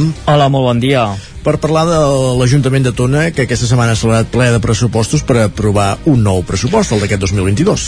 Exacte, ple extraordinari el que va convocar per aquesta setmana l'Ajuntament de Tona, normalment se celebren l'últim dijous de, de cada mes, i era important la convocatòria d'aquest ple extraordinari a Tona perquè s'hi portava a aprovació el pressupost eh, municipal, això eh, els municipis doncs, eh, cada any eh, per anar bé a finals de, de l'exercici de, de l'any anterior han d'aprovar el del següent any. A, a Tona, com dèiem, era important perquè es eh, venia d'un any en pressupost prorrogat. Per tant, s'havien allargat els eh, balanços que s'havien eh, aprovat eh, durant l'any 2020, s'havien allargat durant el 2021 i, com dèiem, aquest eh, dimecres al vespre que es va aprovar aquest balanç d'ingressos i despeses per l'exercici 2022. La xifra glo global amb la que preveu treballar l'Ajuntament de Tona és de 8,9 milions d'euros. Això significa uns 900.000 euros més del que es va aprovar ara fa dos anys, durant el ple, la regidora de Finances, Judit Cerdà, doncs va desgranar totes aquestes xifres a través d'una extensa explicació. Sí que eh, a Tona hi ha aquest costum de desgranar eh, fins a bastant al detall el que comporten aquests eh, pressupostos, també explicant què és exactament un pressupost municipal, i Cerdà deia això, eh, que, que és una eina de, de previsió on s'hi posen els eh, ingressos i les despeses, però que durant l'any els números són vius, que es aniran modificant en funció de les subvencions, de les despeses sobrevingudes que puguin sorgir, uh -huh. eh, en funció de tot el que vagi passant durant els 12 mesos de l'any. Alguna de les novetats d'aquest eh, pressupost municipal? Doncs d'una banda, la creació d'un fons de contingència per a fer front a imprevistos, això es veu que no hi havia aquesta partida en el pressupost municipal de Tona, doncs s'ha inclòs, s'ha arrencat amb un import de 62.000 euros i ja es va dir que la idea és anar-lo augmentant cada any, que és un import que en principi no s'ha de gastar, que està allà com eh, una caixa per si s'han d'anar fent eh, coses d'urgència. Llavors, el gran gruix d'aquest pressupost en, a, on es, a on es destina doncs, a serveis eh, i a despeses corrents com poden ser també el personal del, de l'Ajuntament. Per últim, una altra partida que sempre s'hi posa el focus quan es presenta el pressupost municipal és la de les inversions. Sí. Uh, Tona, uh, aquest uh, capítol d'inversions, en la presentació que es va fer, s'hi destinen 215.000 euros i destaquen la realització dels de, pressupostos participatius, on s'hi van destinar 50.000 euros de cara a aquest 2022 i on ja hi ha projectes escollits com són la col·locació de més càmeres de vigilància a les entrades dels municipis, la creació d'un Correcà, un, un espai per per, per gossos, perquè la gent hi pugui portar els gossos, i també un parc per la gent gran. D'altres inversions que es van comentar va ser el tancament del camp de futbol que hi ha eh, a tocar del nou espai cultural Muriel Casals i la idea és que aquest espai un cop tancat sigui una zona per poder-hi fer activitats eh, lúdiques, festives. Ells ja van parlar per exemple de la festa major, sempre hi havia debat de on s'havia de fer aquesta festa major. Durant, o històricament s'ha fet al Parc de les Feixetes, els últims anys doncs ja s'havien buscat alguns espais alternatius i es vol provar aquest camp de futbol al costat de l'espai cultural Muriel Casals. Des de l'oposició, el debat polític que sempre genera el pressupost municipal, doncs Marc eh, Poveda va agrair les explicacions però també va lamentar que no se'ls hagués escoltat per eh, poder incloure les seves aportacions, el seu projecte de municipi, i ells alertaven, per exemple, en l'apartat dels ingressos, eh, el perill de les bonificacions a través de la instal·lació de plaques fotovoltaiques que pot fer la ciutadania, doncs quin impacte pot tenir això amb l'IBI, perquè qui es posi plaques fotovoltaiques tindrà una bonificació, per tant l'IBI potser la recaptació eh, baixarà una mica respecte a la previsió inicial i com això pot fer desquadrar els, núvol, els números. També eh, apuntava eh, que s'havien unificat partides, ell parlava del concepte calaix de, de sastre i que això feia més difícil la despesa. I per últim eh, també lamentava que no hi hagués més import en les inversions, només un 2,4% del total del pressupost com a resposta l'equip de govern li deia que això és una, una xifra inicial, que quan arribin eh, subvencions, que en funció de com vagi evolucionant l'any, doncs aquesta partida d'inversions pot anar en augment. I per últim, una última pinzellada, i és que el ple també eh, va incloure la renúncia al càrrec de la regidora d'Urbanisme, de Núria Sisó, sí. per motius eh, professionals, ella és arquitecta professional i per aquest motiu doncs, no pot compatibilitzar amb la feina de regidora, una Núria Sisó que portava a l'Ajuntament des del 2015 i que en aquest últim mandat, el que va començar el 2019, va entrar l'equip de govern a, a través d'Esquerra Republicana i ha liderat projectes importants, com han sigut la reforma de la biblioteca, també la reforma de la plaça, diversos projectes que s'han d'executar en breu. I deia això, eh, que eh, lamentava haver de marxar ara que es començaran a fer aquests projectes, però sí que és veritat que els ha treballat a fons en, el, en els últims temps. I ja té substituts, eh? Sí, eh, entrarà la persona que anava al seu darrere a la llista i és Marc Crous, que assumirà la plaça de regidora, llavors hauran de veure eh, qui entoma urbanisme, una de les àrees eh, Importants. sempre importants de, dels ajuntaments. Perfecte, Guillem, moltes gràcies. Adeu. I continuem aquesta taula de redacció i ara parlant amb en Miquel R. Aquesta que setmana que ha estat el 8 de març, el Dia Internacional de les Dones, l'Atlàntida, el Centre Cultural, el Centre d'Arts Escèniques de Vic, ho ha aprofitat per presentar el seu pla d'igualtat.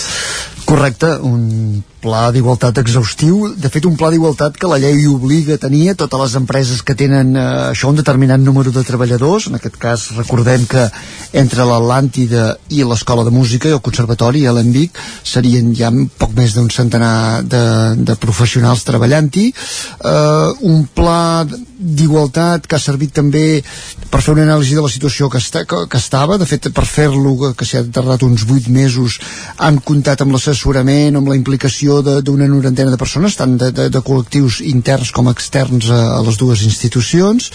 Eh, algunes dades doncs podem dir mira, que un 43% del personal de, de, dels dos centres són dones.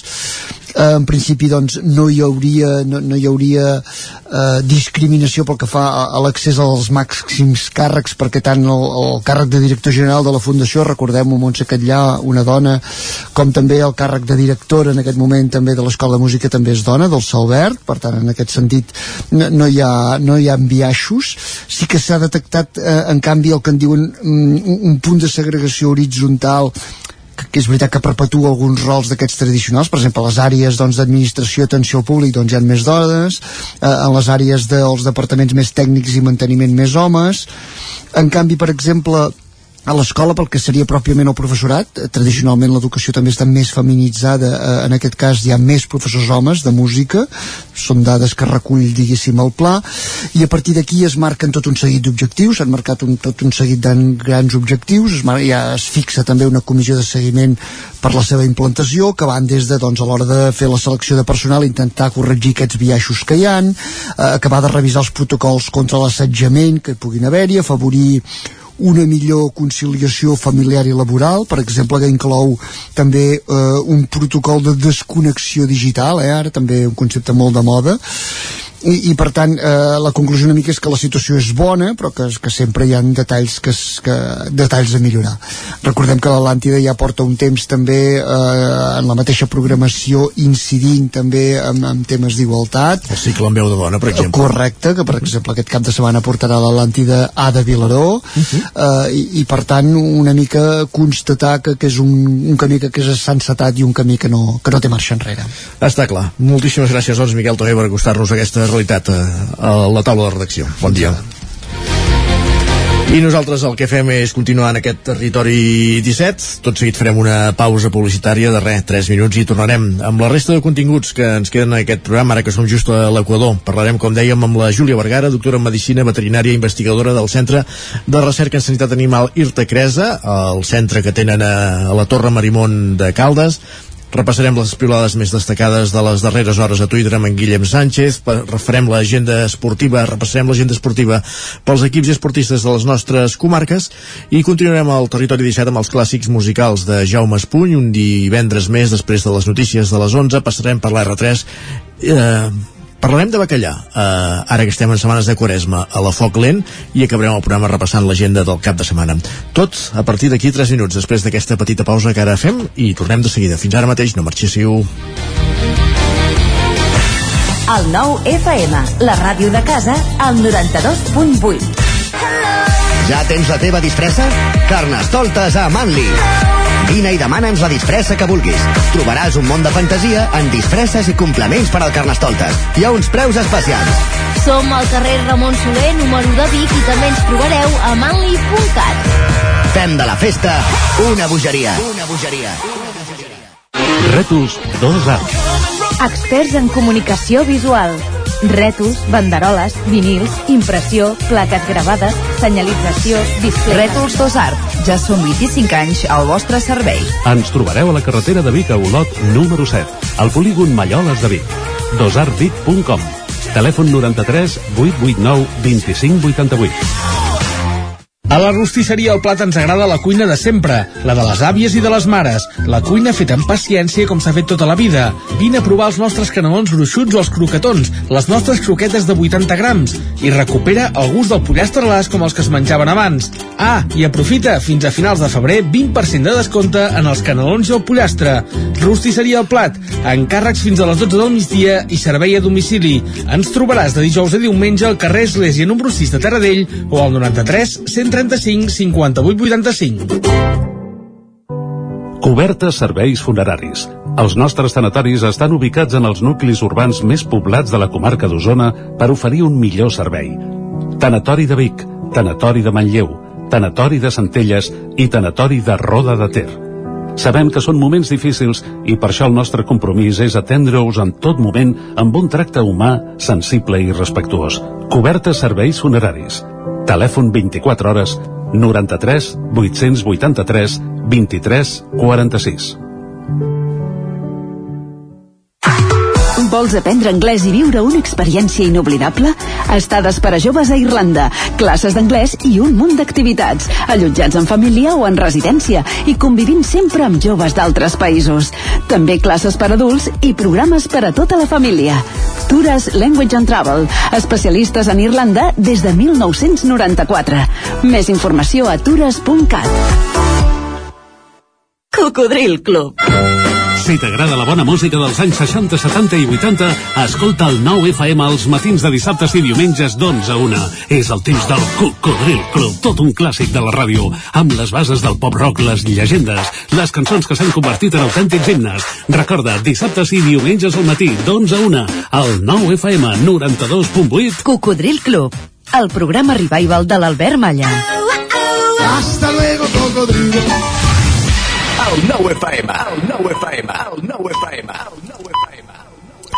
En punt, dos quarts d'onze al territori 17.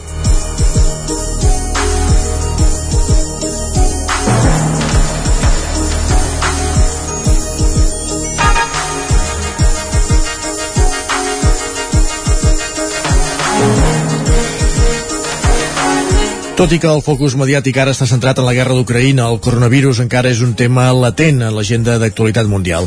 Els hospitals segueixen amb casos crítics a les unitats de cures intensives i els investigadors segueixen la recerca d'aquest nou virus. Caral Campàs, des d'Ona Codinenca, bon dia. Bon dia. Sí, un, un dels centres on segueixen aquesta recerca precisament és el Centre de Recerca de Sanitat Animal IRTA Cresa, situat a la Torre Marimón de Caldes de Montbui. I per conèixer més qüestions sobre la Covid-19 i la investigació que està realitzant aquest grup, tenim al telèfon a Júlia Vergara, cap d'aquest grup de recerca precisament. Bon dia, Júlia, i moltes gràcies per atendre'ns. Hola, bon dia, gràcies a vosaltres. A, a l'IRTA, l'Institut de Recerca i Tecnologia Agroalimentària de Caldes, hi ha, hi ha diversos grups de, de recerca. Quina, quina línia d'investigació segueix el seu grup i, i en què consisteix no? exactament la, la seva tasca? Sí, de fet, l'IRTA és un institut que té diferents centres i justament el, el CRESA, a Torre Marimón és on hi ha, diguéssim, la seu central. El CRESA el que està és al campus de la Universitat Autònoma de Barcelona.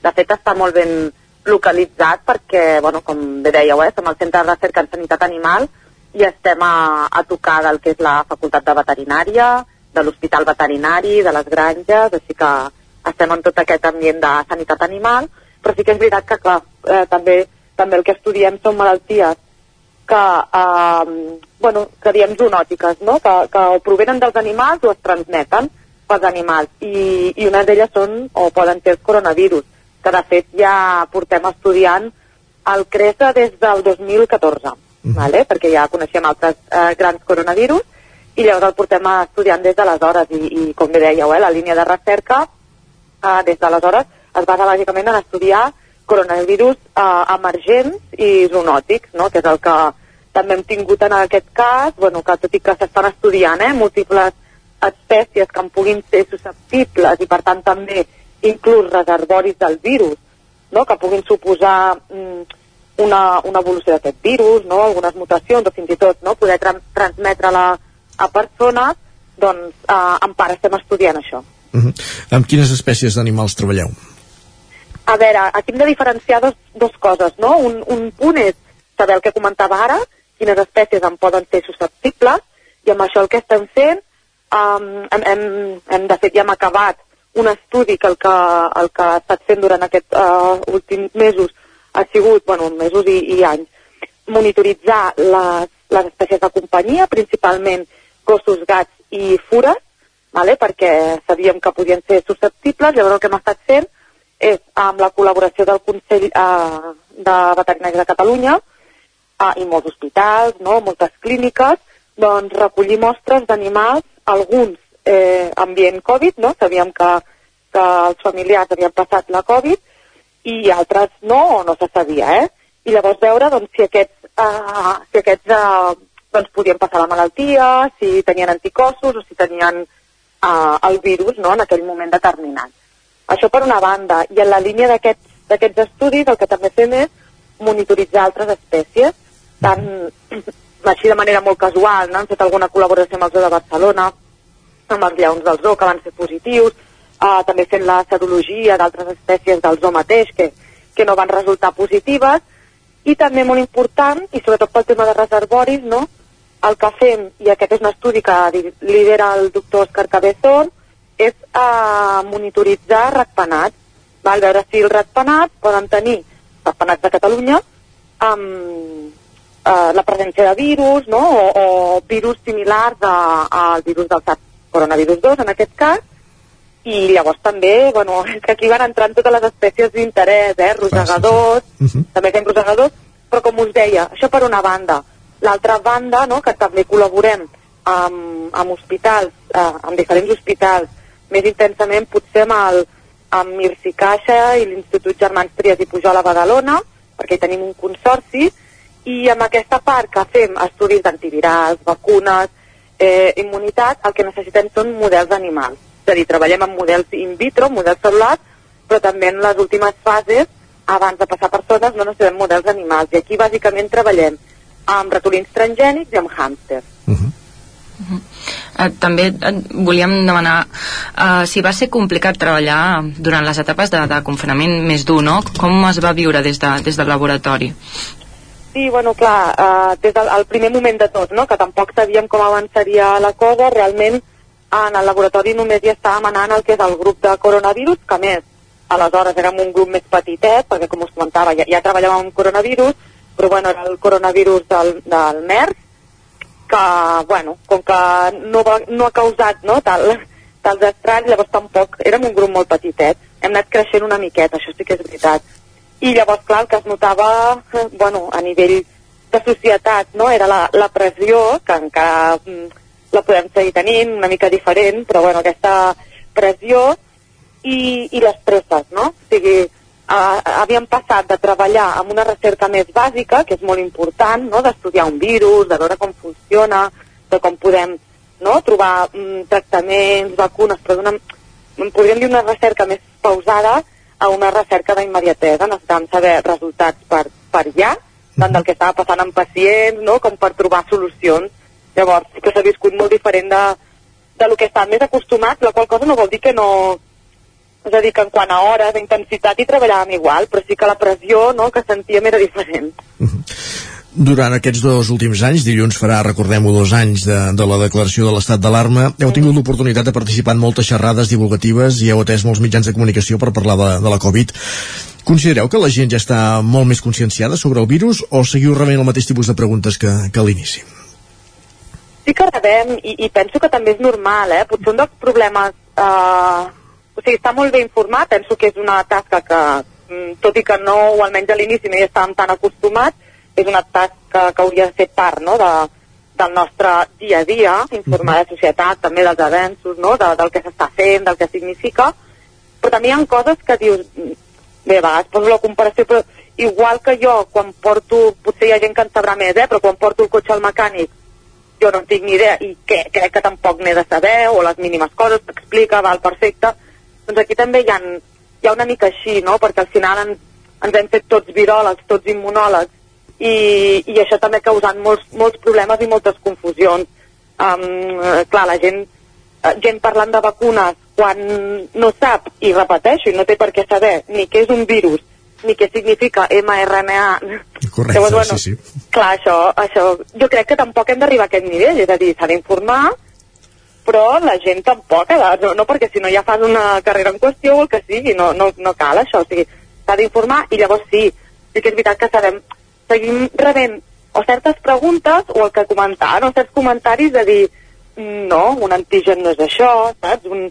Vol dir que sí que hi ha coses que com que hi ha tanta informació que per un cantó pot semblar positiu, clar, tens tanta informació que costa a vegades no, eh, filtrar-la. I llavors mm, és, és quan es creen no, aquests, aquests eh, conflictes, diguéssim, de, de saber què és correcte i què no. Te- Tenim entès que es reunia regularment amb un grup de treball de l'OMS format per, per diferents experts del virus. I volíem preguntar, a, a dia d'avui encara es reuneix aquest grup? Sí, sí, sí, cada, de fet avui, cada dijous, ens reunim a, a la tarda, a les 3 de la tarda, ah no, avui és divendres, perdona, ens vam reunir ahir ja, sí. Ara Estava pensant si la vam fer fa poc, no, ahir, ahir. Cada di, dijous ens reunim i per discutir, de fet és mm, una de les reunions per mi més, més fructíferes, o sigui que més serveixen perquè estem discutint eh, resultats de dia a dia del que estan fent altres grups, del que es va trobant i, i som, eh, depenent del dia, però més o menys som entre 100 150 no? experts a nivell mundial que estem treballant en això i a part més això que avanci rapidíssimament. A part d'aquestes reunions que tenim cada dijous, mm, també puntualment, no? quan, eh, bé sigui quan van sortir les primeres vacunes, quan surt eh, o es detecta alguna variant que pot ser d'aquestes de preocupació, es fan també reunions extraordinàries. I aquestes reunions no només ens reunim doncs, el nostre petit grup, encara que siguem tanta gent, perquè al final nosaltres el que estudiem en el, en el nostre grup d'estudi de l'OMS és el models animals per no, l'estudi de la Covid, vacunes, antivirals, tot el que sigui. Hem perdut aquesta comunicació amb la Júlia Vergara, com dèiem, tècnica, doctora en Medicina Veterinària, investigadora del Centre de Cerca en Sanitat Animal Irta Cresa, eh, de la Torre Marimón de Caldes. Estàvem parlant d'aquests dos anys de, de la Covid-19, com ha anat evolucionant la investigació al respecte. Intentem recuperar ràpidament aquesta comunicació.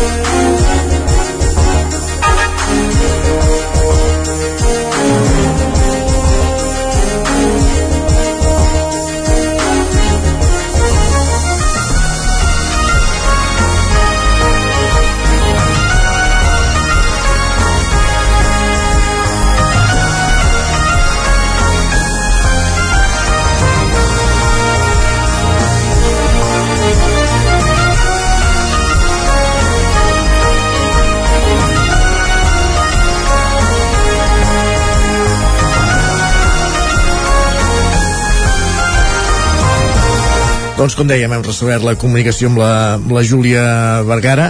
Caral, de què estàvem parlant?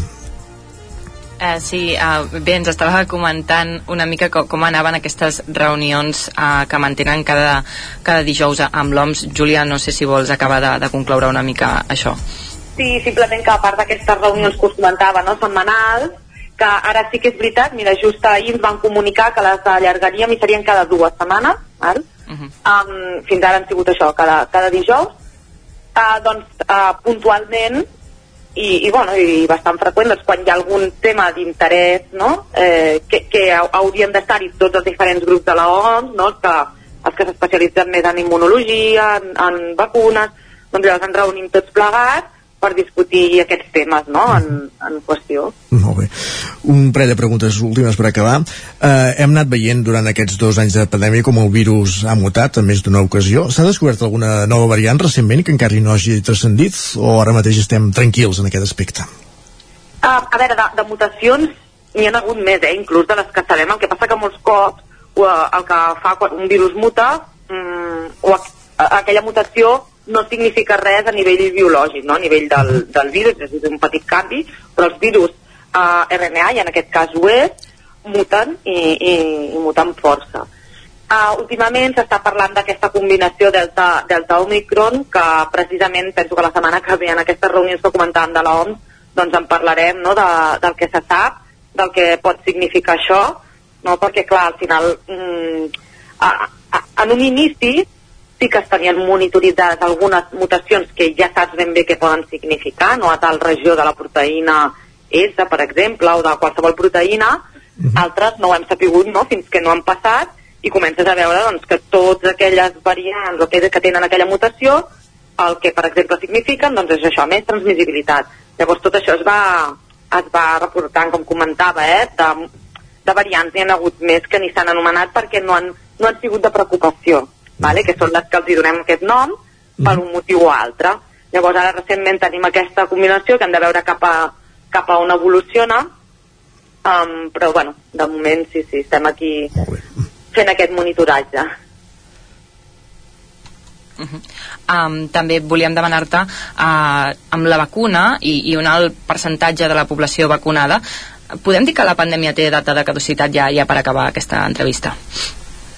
A veure, com a, com a pandèmia com a tal eh, podríem dir-ho. El que passa que és un, és un virus que possiblement ja el farem endèmic és a dir que estarà en la població i cada X temps sigui no, a les temporades més d'hivern. També per, per temes ja no tant de, de si el virus resisteix més o menys a la calor i tots aquests factors sinó també per les, les condicions. És un virus respiratori per tant, on es transmet millor és en ambients tancats, que normalment doncs això és en hivern. Eh? Um, llavors, que, que es quedarà així com de forma endèmica és quasi segur. Ara el tema és no, controlar aquest llindar, és que el problema ha sigut no, que ha aparegut un virus nou en una població en què mai havíem vist aquest virus, llavors una població completament naïf. I clar, el que interessa és que això no desbordi el sistema sanitari, és, és bàsicament el que, el que ha passat, eh? Llavors assumirem aquests valors de sistema sanitari, igual que els hem assumit amb altres malalties com la grip, eh? I, i això ho controlarem. I com bé dèieu, això ha sigut, bueno, gràcies a vacunes, a combinació d'infeccions vacunes, no? I sí que serà així. Ara el tema és, no?, mm, poder avançar-nos a la propera, com comentàveu, eh? bé sigui variant o al proper mm, d'epidèmia, pandèmia, no?, per, per poder mm, estar més preparats que no pas el que hem estat ara. Doncs veurem l'evolució. Moltíssimes gràcies, Júlia Vergara, doctora en Medicina i Veterinària i investigadora del Centre de Recerca, de, de Recerca en Sanitat Animal IRTA Cresa, per ser avui al Territori 17. Bon dia. Bon dia, moltes gràcies. Gràcies també, Caral, per acompanyar-nos en aquesta entrevista. Gràcies, també, merci. Fins ara, i el que fem tot seguit ara que són tres quarts d'onze és entrar al món Twitter, al món, a l'univers de les piulades.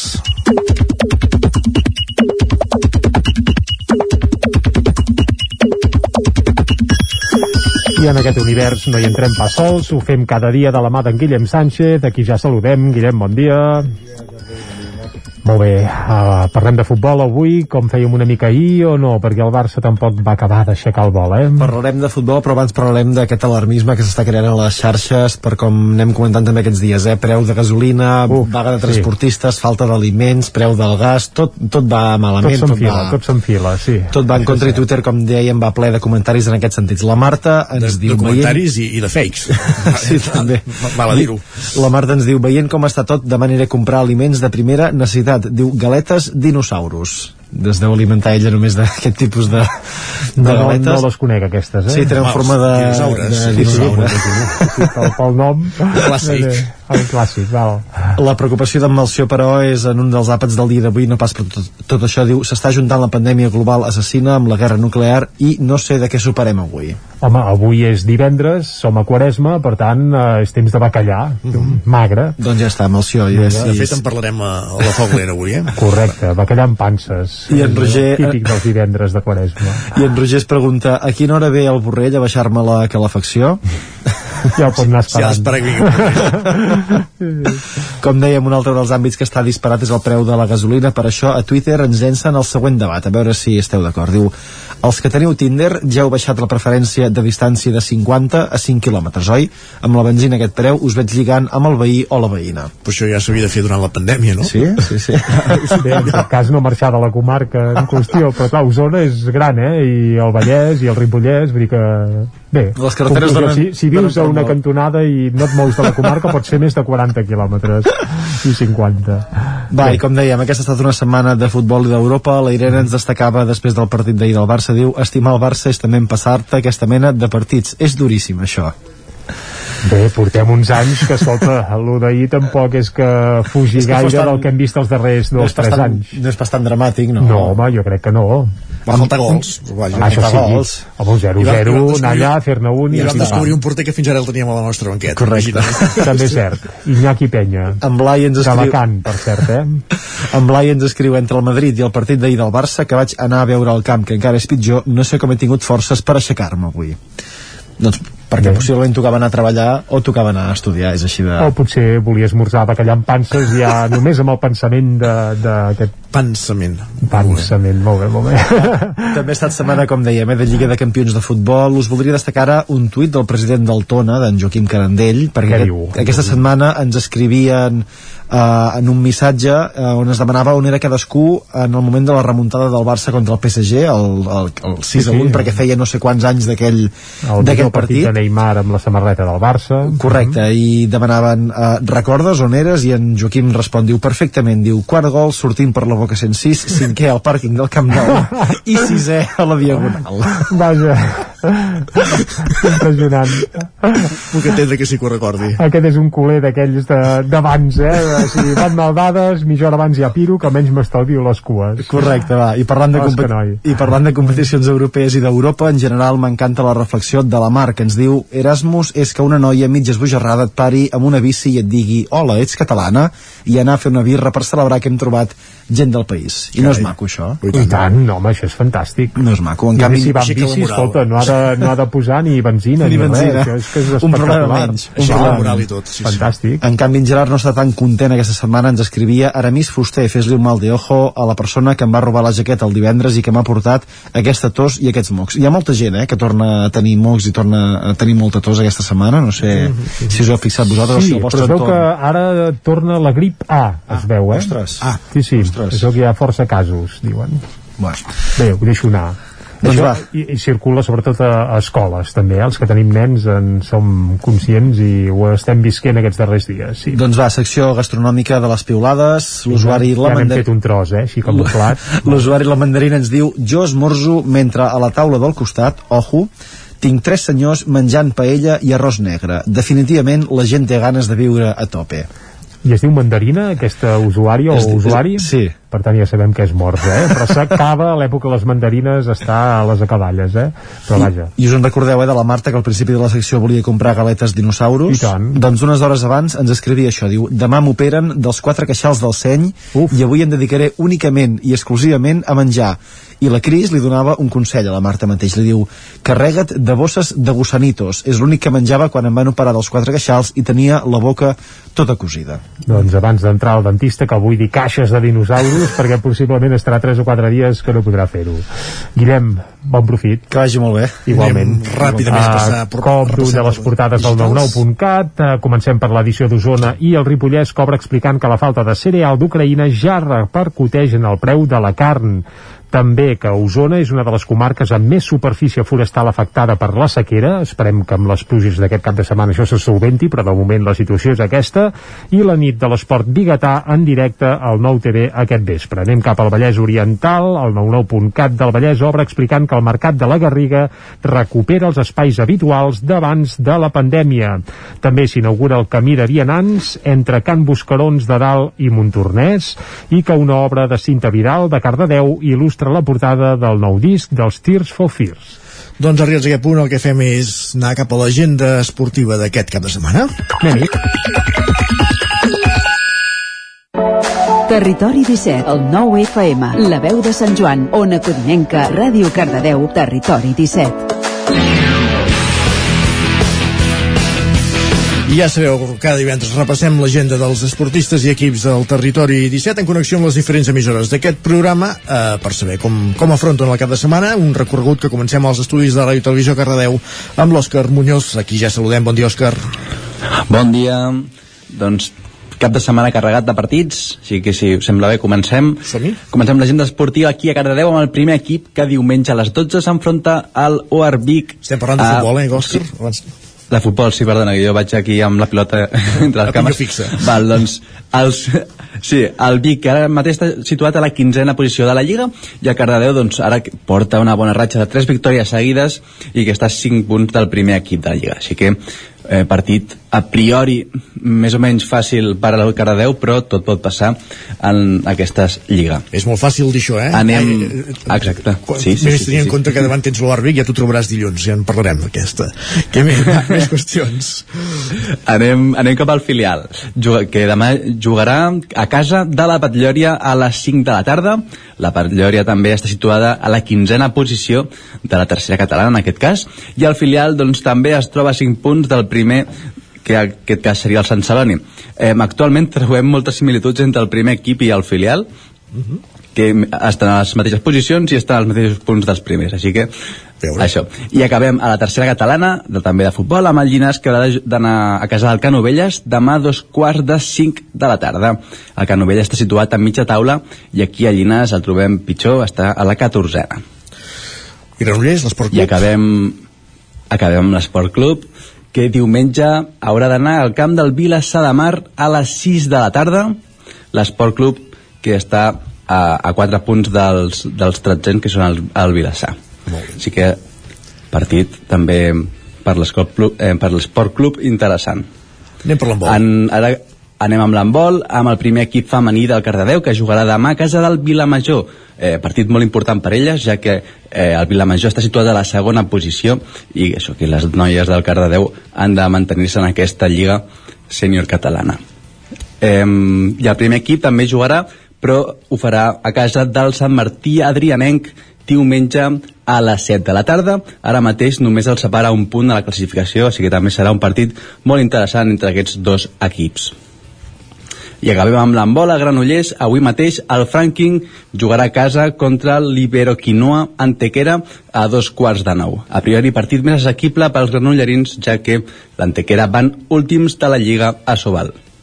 I acabem eh, amb les noies del CAC 7 eh, que jugaran a casa però ho faran demà contra l'Atlético Guardés a dos quarts de cinc de la tarda i aquí sí que hi haurà un bon partit cinquenes contra vuitenes tot i que només es porten 5 punts de diferència Doncs veurem com evoluciona tot plegat durant el cap de setmana i en parlarem dilluns. Gràcies, Òscar.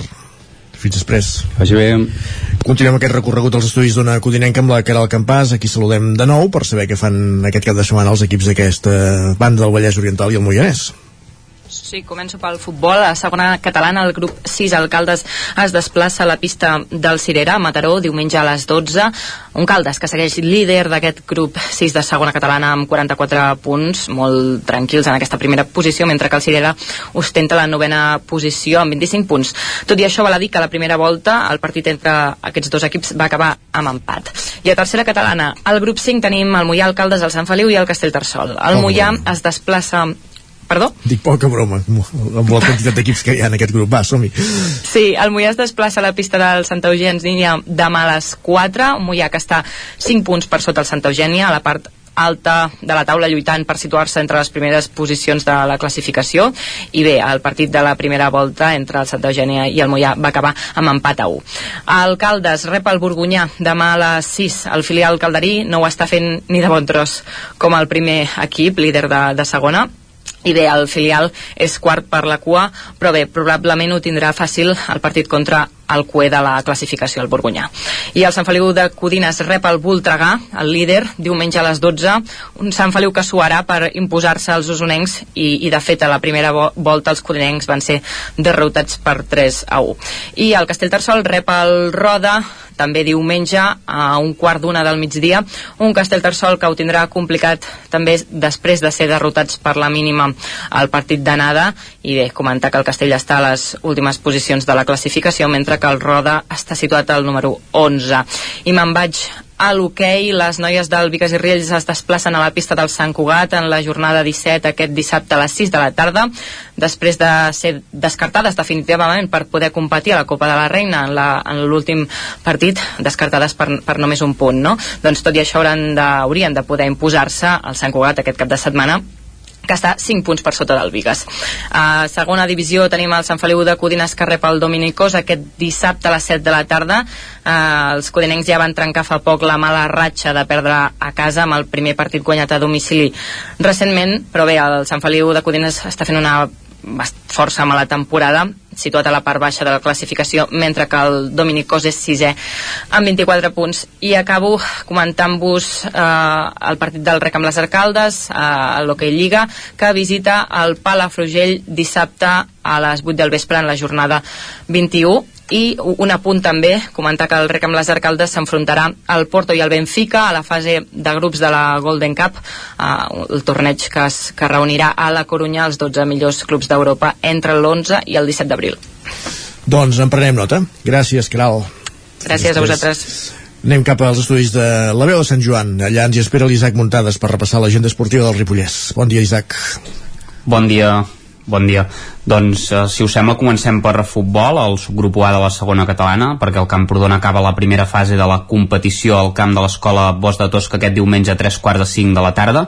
És un partit intrascendent dels camprodonins, que són coers amb 8 punts i com a molt doncs, podrien acabar penúltim sempre que guanyin el partit i el llançar perdi o empati el seu. El Bosch de Tosca és tercer a la Lliga amb 49 punts, empatat amb el segon classificat i ja està classificat per la fase d'ascens i, i bé, arriba en un moment molt bo, encadena 9 triomfs consecutius consecutius i 17 partits sense perdre, per tant, rival molt complicat per al, per al Camprodon.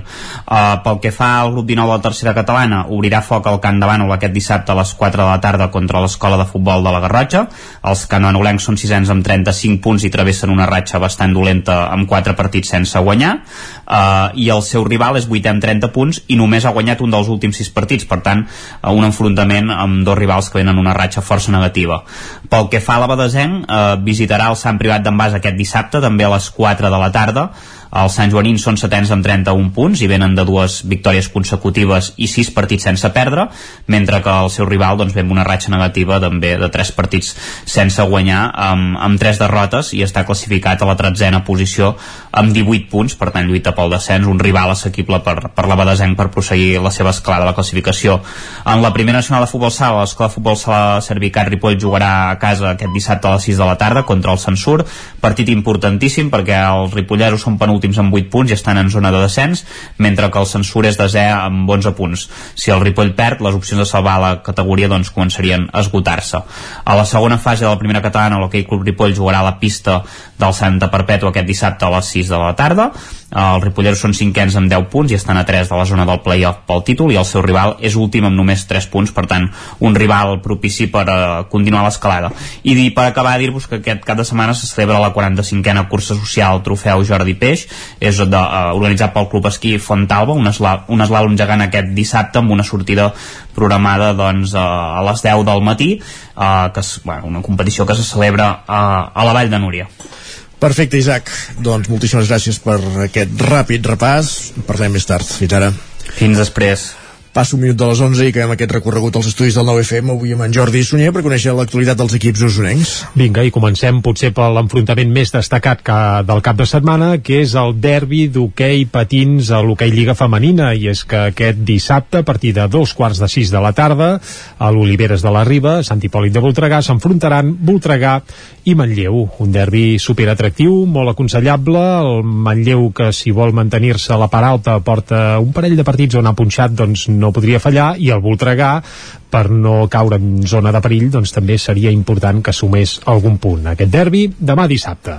Més hoquei. Okay. Va, a l'hoquei okay Lliga masculina. El Martinelli a Manlleu jugarà diumenge a la pista de l'Igualada a les 4 de la tarda, un partit que es podrà veure per la xarxa teles locals, per tant el podreu seguir eh, per la tele, i és evident que el Manlleu necessita sumar, ara mateix ocupa llocs de descens, i bé, eh, a la pista de l'Igualada doncs seria un bon lloc per aixecar una mica el vol. El el Voltregà jugarà a casa i ho farà dissabte a les 8 del vespre rebent a Lleida, que ara es diu uh, Finques Prats Lleida. Ja ens és, és ben, ben curiós. Llista Blava és per allà amagat, però ara és el Finques Prats Lleida. Això serà dissabte a partir de les 8 del vespre, el Voltregà, que també és a la part baixa, per tant, hauria de sumar sí o sí, uh, bé, si vol això, uh, també aixecar el vol i mantenir la categoria. Anem a l'hoquei Lliga Plata, la segona divisió de l'hoquei estatal, on hi tenim el Taradell i el Vic. El Taradell jugarà dissabte dissabte a les 6 de la tarda a casa seva, el Pujoló, i rebrà l'Alpicat, el Taradell que es manté a la part alta i que si vol continuar aspirant a l'ascens de nou a l'Hockey Lliga doncs hauria de sumar els 3 punts. I el Vic, que està a la part mitja baixa de la classificació, també jugarà dissabte, ho farà dos quarts de vuit del vespre i rebrà el Ribas Les Lagunes, els biguetans que també per anar bé haurien de sumar, porten un inici d'any una mica bé, sumant a trompicons i si no volen veure perillar la permanència doncs també estaria bé que que, que assumessin els 3 punts. Deixem l'hoquei, anem ràpidament al bàsquet, on el Vic juga a la Lliga EVA i aquest dissabte a un quart de set de la tarda visitarà la pista del quart eh, els biguetans que són a la part alta van estar a punt de guanyar el Barça la setmana passada i aquesta setmana doncs al camp del quart també miraran de treure un bon resultat i acabem parlant Quan de futbol el quart no, volem dir, no volem dir el quart classificat, No, sinó no, l'equip no, no. del la població de quart de Girona, eh? Correcte, el gironès, el quart, que no sé si va quart, veus? Això ho podríem investigar, però no portem els deures fets en aquest sentit. Uh, anem a futbol, va. A primera catalana, on hi tenim el Vic, el Tona, el Manlleu i el Riu Primer. El Tona, que és líder, jugarà a casa dissabte a les 4 de la tarda i rebrà el Sant Boià. Uh, si guanya, evidentment, seguirà líder. Qui va segon de primera catalana és el Manlleu i el Manlleu també jugarà dissabte a les 6 de la tarda, ho farà al camp del Sant Feliuenc. Uh, més partits encara, el Vic jugarà contra el Sant Cugat i ho farà el Municipal d'Esports de Vic dissabte a dos quarts de cinc de la tarda i pel que fa al Vic Riu Primer jugarà dissabte a un quart de sis de la tarda al camp del Sant Ildefons el Vic Riu Primer ara mateix és cué i si no guanya aquest enfrontament d'aquest cap de setmana ho tindrà ja molt, molt, molt pelat uh, per salvar la categoria perquè bé, porten tot el 2022 sense haver guanyat ni un sol partit. Al camp del Sant Ildefons seria una bona oportunitat per aferrar-se a alguna de les últimes opcions que tenen per mantenir la categoria però vaja, ho veurem. Ho veurem, Ho veurem. Per cert, un darrer apunt, eh, en Superdivisió Femenina eh, de tenis taula, a partir de dimecres que ve eh, comença el playoff pel títol. Es fa en format playoff, això serà a partir de dimecres que ve, el Girbau Vic TT, evidentment, doncs, hi és. Doncs ho anirem seguint i dilluns parlarem de com ha anat el cap de setmana. Eh, gràcies, sí. Jordi. Tot seguit ens actualitzem amb la informació del moment al Territori 17.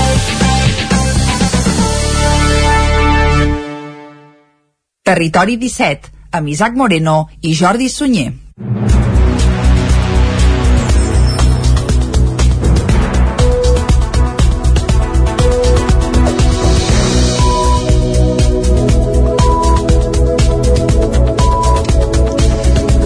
Passen 5 minuts de les 11 per explicar-vos ara que continua l'arribada de persones d'Ucraïna a Osona, comarca on s'ha creat una campanya específica perquè els vincles d'infants d'aquell país amb l'ONG Osona amb els nens poden fer que acabi arribant un contingent important de refugiats. A finals d'aquesta setmana hi va haver acollides ja una seixantena de persones. Aquesta campanya va ser un dels temes centrals tractats al Consell d'Alcaldes d'Osona d'aquest dimecres. 172 habitatges repartits en 32 municipis de la comarca són els que s'han posat fins ara a disposició de la campanya Osona amb Ucraïna per acollir refugiats d'aquest país. Pis. 11 dels habitatges estan buits i la resta de casos són de famílies que hi viuen i que ofereixen habitacions. Fins ara, a través de la campanya que comparteixen l'ONG Osona amb els nens i el Consell Comarcal, s'han acollit ja 24 persones ucraïneses. A finals d'aquesta setmana, però, es preveu que ja siguin 63, amb 24 famílies d'aquí implicades. La recaptació de donatius econòmics se situa ara en els 8.000 euros, diners que es destinaran a la manutenció dels refugiats. Aquestes dades s'explicaven dimecres al Consell d'Alcaldes i Alcaldesses, on també hi va intervenir la delegada del govern a la Catalunya Central, Rosa Bastit, i també responsables de diferents serveis territorials. Bastit va elogiar la campanya, però també recordava que la situació de guerra es pot allargar. L'escoltem. Per tant, quan algú us ofereixi un pis, crec que se'ls ha de dir crec que se'ls ha de dir que han de ser conscients de que això es pot allargar entre les prioritats del govern hi ha l'escolarització dels infants refugiats que arribin d'Ucraïna, ho explicava Gemma Boix, directora dels Serveis Territorials d'Educació. No estem pensant en l'escolarització d'aquests nens per a l'aprenentatge d'un currículum, evidentment, eh? eh per descomptat que no, que no és aquesta la intenció, sinó que estem pensant en donar-los l'oportunitat d'això, de ser nens i nenes, de ser joves i de durant unes hores intentar eh, és molt, és molt eh, um, ambiciós això, eh? però durant unes hores, durant unes estones, intentar que s'oblidin d'allò que els està tocant viure. En una altra de les sessions informatives que es va fer al Consell d'Alcaldes, l'Agència Catalana de l'Aigua va exposar els projectes previstos a Osona fins al 2033. Es construiran 32 depuradores noves amb una inversió propera als 34 milions d'euros. El tonenc Gerard Silleros ha recorregut tot el, contorn de la comarca d'Osona i l'ha documentat en imatges. El projecte va guanyar el primer premi Can Sebastià Jove i s'exposa des de divendres passat a Tona. A principis de 2021, les restriccions derivades de la pandèmia impedien de moure's més enllà de l'estricte límit de la comarca. I va ser en aquest context quan Gerard Silleros va començar a treballar en el projecte Trobades en la línia invisible, amb el qual va guanyar el primer premi Can Sebastià Jove, convocat per la Fundació Privada Buixaderes Grau de Tona una iniciativa destinada a la promoció de joves creadors.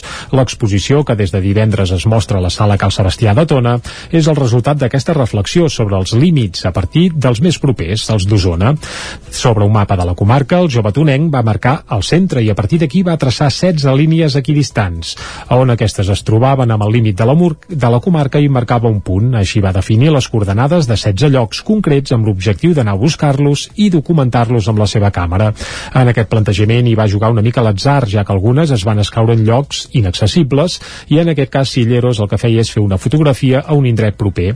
Els paisatges usonencs bucòlics no eren sempre els que es trobava i la sorpresa, segons va explicar el jove tonenc, és que gairebé totes les fotografies comptaven amb rastres humans, com ara barraques o construccions abandonades, cabanes de bosc, objectes tribals o en desús. La trobada inesperada formava part del procés, com també la reflexió sobre el pas del temps en aquests indrets i les diferents maneres en què la intervenció humana actua en l'entorn. Gerard Cilleros estudia un grau de fotografia a Barcelona i de fet la proposta va sorgir d'una assignatura de fotografia documental que en forma part. L'exposició de Cilleros es podrà veure fins al proper dia 19 de març a la sala Cal Sebastià de Tona. I us expliquem ara que l'espai d'art rural de Cal Ros comença la temporada d'exposicions del 2022 amb Catarsi Feminista, un projecte fotogràfic nascut a les xarxes socials. Ens ho amplia Caral Campàs des d'Ona Codinenca. Sí, Calros és un espai situat a Monistrol de Calders i Catarsi Feminista és un projecte de fotografia crítica que vol donar visibilitat a les realitats corporals dissidents a partir d'un treball creatiu amb sessions de fotografies a diferents dones i persones no binàries es vol assenyalar la imposició d'unes normes corporals i la impossibilitat de complir-les. Amai Chavarri és la directora creativa de Catarsi Feminista. Haurà una part de, de projecció en la que podrem veure eh, les entrevistes eh, que els hem fet a aquestes dones d'Euskal Herria. Llavors no podem veure les fotos encara perquè no s'han publicat xarxes socials, però sí que podrem pues, eh, sentir les seves veus i veure els seus vídeos eh, xerrant de, dels temes que, que hem treballat a la seva sessió. L'exposició d'aquest projecte, la primera en un espai físic, compta amb les fotografies de Marta Ochoa, Laia Tomàs i Ziar Bastarrica. Aquest dissabte a les 6 de la tarda es farà la presentació amb la presència de Chavarri i Ochoa.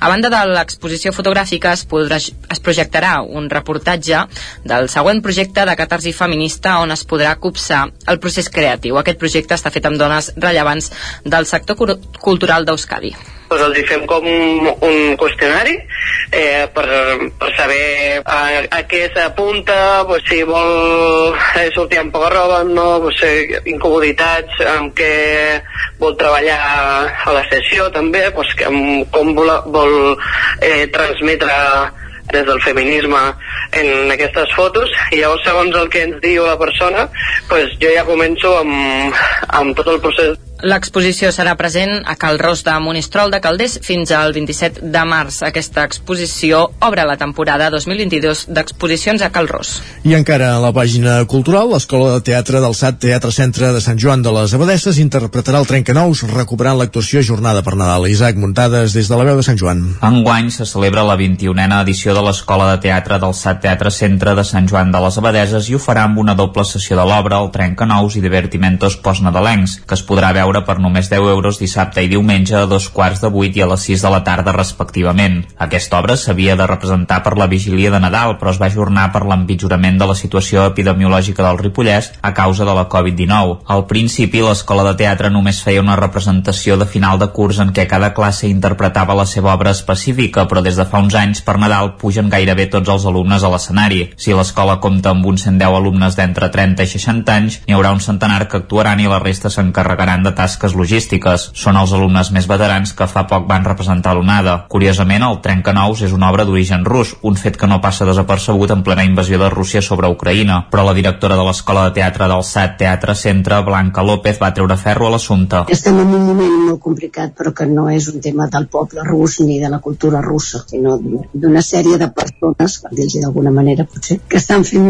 veritables barbaritats, no? encapçalades per, per un cap molt visible, però que crec que no, per això hem de sacrificar la resta de la cultura russa sobretot, no? Trencanous és un clàssic, és un, és un ballet, en realitat. Clàssic que s'estrena sempre, de fet aquest any també al Liceu el van estrenar per Nadal, i és, és molt, molt, molt característic del Nadal, i que nosaltres hem fet una adaptació bueno, per convertir-lo en una obra, una obra de teatre, entre cometes, en la que tothom pugui tenir el seu momentet, i parlar una miqueta. A l'inici i a la cluenda de l'espectacle hi haurà els divertimentos postnadalencs, que seran un parell de gags de teatre interpretats pels alumnes més grans, un dels quals estarà relacionat amb Nadal i l'altre no hi tindrà res a veure. Al mig de l'obra hi haurà la gran peça del Trencanous amb la cançó típica i s'hi incorporaran una sèrie de danses on hi participen la majoria dels alumnes. Gràcies, Isaac. Acabem aquí aquest repàs informatiu que començàvem a les 11 i algun minut en companyia de Jordi Sunyer, Isaac Muntades, Núria Lázaro i Caral Campàs. Tot seguit continua el territori 17. Ens endinsem als clàssics musicals que ens acosta Jaume Espuny cada setmana i avui un disc de plena actualitat. De seguida el descobrim.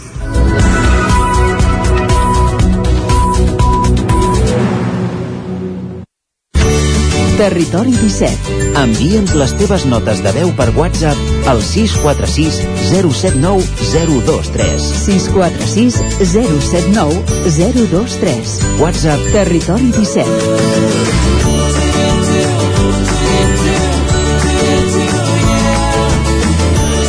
Territori 17. Som a Facebook, Twitter i Instagram amb l'usuari Territori 17.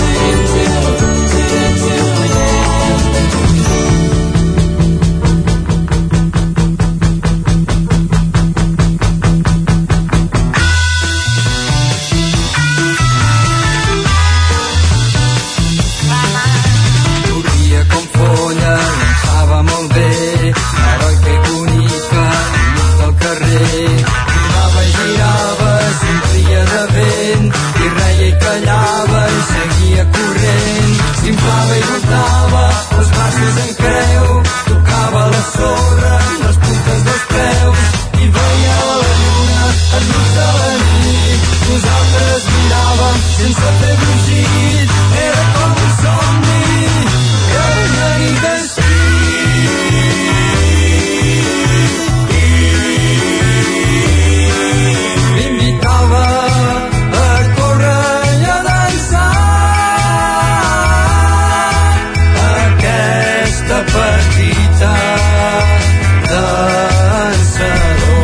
Jaume Espull, bon dia. Molt bon dia. Hi ha qui qualifica el millor disc de la història del rock català, no sé si el millor, però si més no, el pioner, el primer, no? El primer, bueno, eh, segons la revista The Rock, eh, és el millor disc del segle XX, de rock català del segle XX. Jo el posaria segon, eh? Però Qui ja posaries està tu bé primer? Quin posaries tu primer? Un sisa, qualsevol ah. nit pot sortir el sol, però no en feu cas, eh? No, i tant. Però bueno, ja opinions i criteris. estava obligat avui una mica a fer un record d'en Pau Riba, eh, ben bé l'últim hippie i, de, del rock català que existia, que va morir, ja ho sabem, diumenge, als 73 anys, diumenge passat, va ser molt greu, perquè, perquè eh, tenia càncer bueno, terminal, no? Però el tio hi anava, eh? Vull Sí, sí. S'ha volgut acomiadar, diguéssim, a dalt de tot. A dalt de tot, exactament. Doncs, bueno, aquest eh, aquest disc eh, és, que van fer, és 1 i 2 eh, Dioptria 1 que és de l'any 1969 fa molts anys, més de 50 anys eh?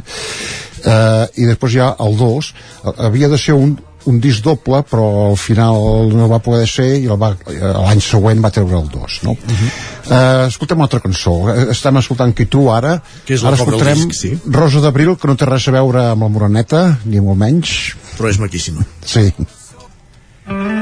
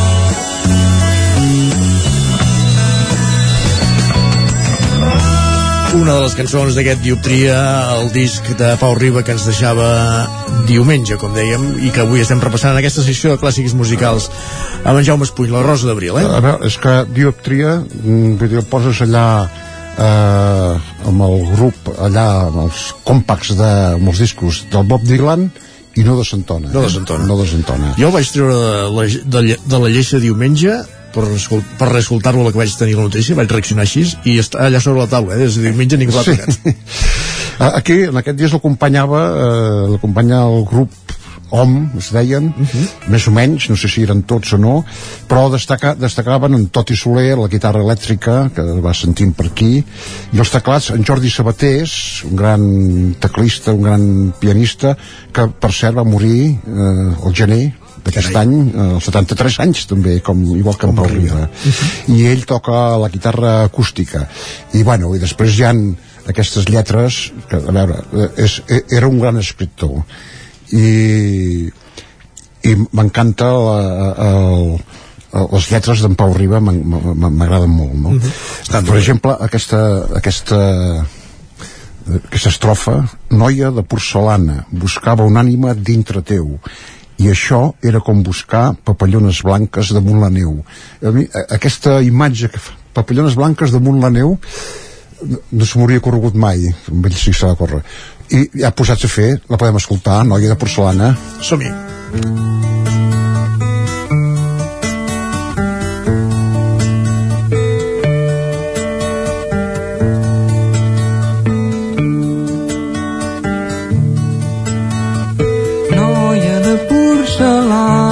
Buscava una ànima dintre teu i això era com buscar papallones blanques damunt la neu noia de porcelana, la teva entranya és plena de vent. Una brisa de maig amb pètals de roses, aire innocent. Porcelana, tot el teu cos és un recipient a punt per ser un pler d'aigua. I posar-hi un lliri quan ve el bon temps. Noia de porcelana buscava força en el teu parlar era com buscar papallones blaves damunt la mar.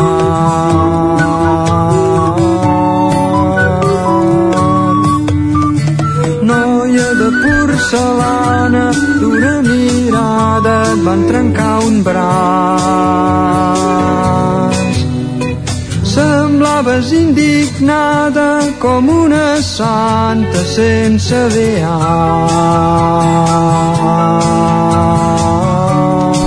És meravellosa la, la lletra, és meravellosa la instrumentació, va sentint aquesta guitarra que va acompanyant tota l'estona el ritme, és bueno. La, la flauta. La flauta, sí, sí. Eh, I això que acaba de dir ara, eh, indignada com una santa sense beats. És com una santa...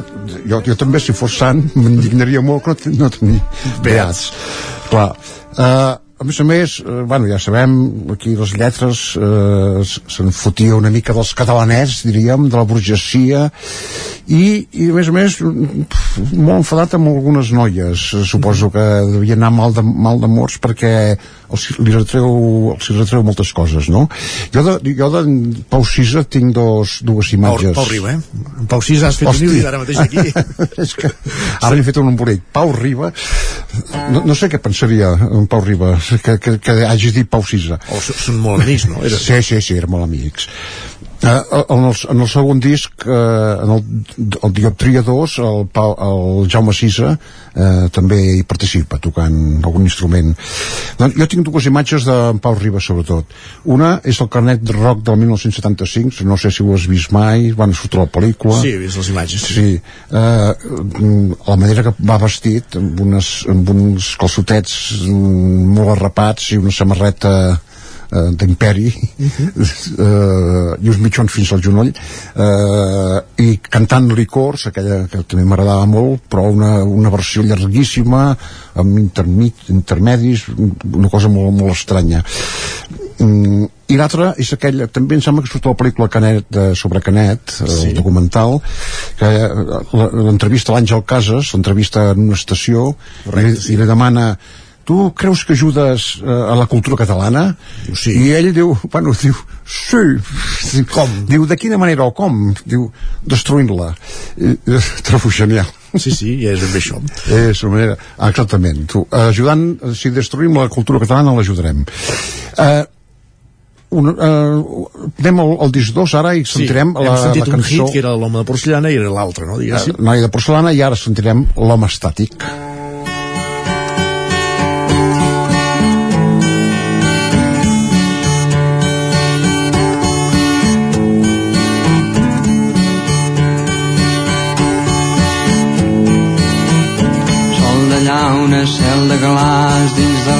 calaix d'un armari, draps de dona i un infant amb un regust enigmàtic ve de néixer, està sorprès, té els grans ulls en Modigliani, accents tristos, verds i oberts, i una vida fins que els tanqui.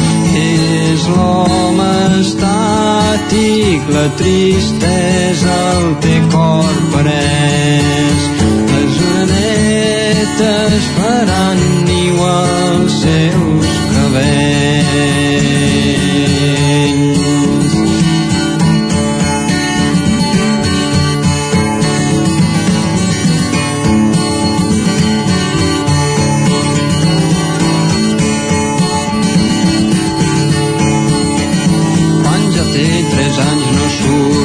Empaitar les papallones quan gos lladra no fuig els vestits paguen la broma quan la neu remou el cel ell la mira en lloc de córrer i li queda el rostre ple com les estàtues de Roma.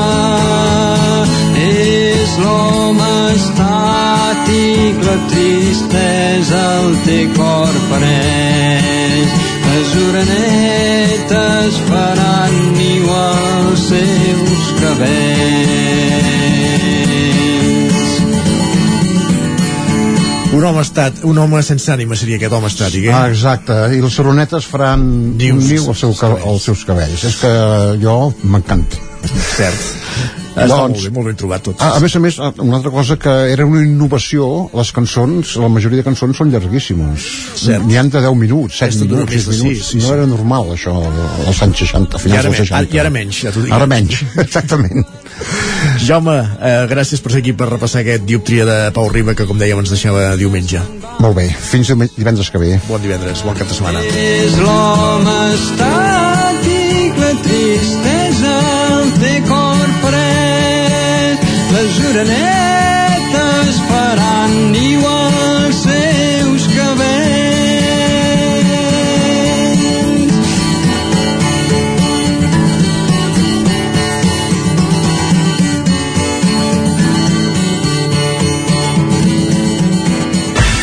El nou FM, la ràdio de casa, al 92.8. Arriba la primavera i tornen les samarretes. A Gràfic Cert tenim una extensa varietat de samarretes per vestir el teu personal, promocionar la teva empresa, club esportiu, associació... Si estàs organitzant un esdeveniment esportiu o una festa cultural, una samarreta és una bona opció per lluir la teva marca. Ja ho saps, si el que necessites per la teva promoció és una samarreta, Gràfic Cert és el teu proveïdor. I ara també tenim a la teva disposició samarretes 100% reciclades tant de cotó com de polièster. No esperis més i truca'ns al 93 886 12 15 o visita'ns a graficcert.com. Vols aprendre anglès i viure una experiència inoblidable? Estades per a joves a Irlanda, classes d'anglès i un munt d'activitats, allotjats en família o en residència i convivint sempre amb joves d'altres països. També classes per adults i programes per a tota la família. Tures Language and Travel, especialistes en Irlanda des de 1994. Més informació a tures.cat. la Clínica Dental Sant Fortià hi trobareu un equip professional que treballa de manera coordinada per oferir un tracte sensible i humà. Estem preparats per qualsevol urgència dental i oferim accions preventives per la tercera edat i els infants. I aquest carnaval, vine disfressat i emporta't un regal. Clínica Dental Sant Fortià. Ens trobareu a la plaça Sant Fortià número 9 de Torelló al 93 859 6408 i al 690 92 51 99. A El Racó de León ja és primavera. Gaudeix de la nostra terrassa. Vine a tastar les xuletilles de lechal a la brasa amb una bona amanida o el xuletón de vedella gallega. No et pots perdre el nostre lechado de Castilla al forn o el cochinillo a l'estil de Segovia. Tot acompanyat del millor celler, al menjador o fora la terrassa. Descobreix la millor cuina de Lleó sense moure't de casa. Vine amb la família, els amics, la parella o sol. T'encantarà. El racó de León, cuina tradicional lleonesa i de mercat. Som al carrer Torelló número 35 de Vic. Per reserves, telèfon 93 889 1950. El racó de León, una cuina diferent. Al restaurant Xavito Gastro de Vic hi trobaràs una cuina mediterrània i de mercat amb gran varietat de plats, amb arrossos, carn o peix fresc de la llotja cada dia. Vine a dinar de dimarts a divendres i prova el nostre menú diari per només 15 euros o a les nits de dijous a diumenge tastar el nostre menú degustació amb arrossos i tapes per 25 euros. Restaurant Xamito Gastro. Ens trobaràs al carrer Call Nou número 9 de Vic i al telèfon 93 094 11 72 o al 747 42 92 58. El nou FM, el nou FM, el nou FM, el nou FM. Territori 17. A Tren d'Alba. Cada dia els usuaris de la línia R3 de Rodalies que veuen sortir el sol des d'un vagó ens expliquen les gràcies i les penes del primer comboi que uneix Ripoll i Barcelona. Benvinguts a Tren d'Alba. Avui us deixo directament amb la crònica de la Glòria Francolí, perquè la pobra ha hagut de suportar una altra impuntualitat del tren, i ja en van unes quantes. Hola, molt bon dia. Aquí la Glòria, des de l'R3. Avui el tren que sortia a dos quarts de sis de la tarda de Barcelona Sants ha arribat a Vic amb 20 minuts de retard, per variar. El tren Mala, quan va bé, va molt bé.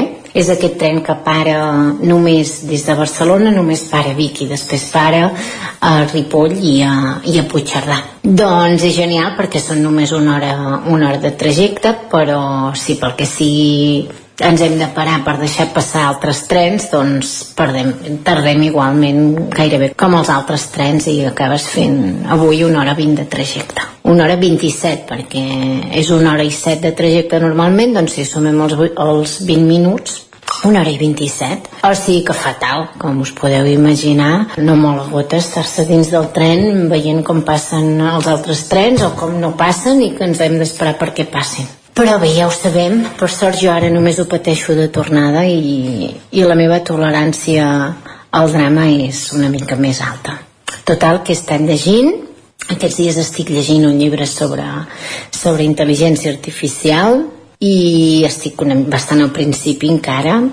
Llavors bé, és un món que no conec gaire i em costa una mica, però bueno, jo crec que és assequible i que, i que el, el trauré.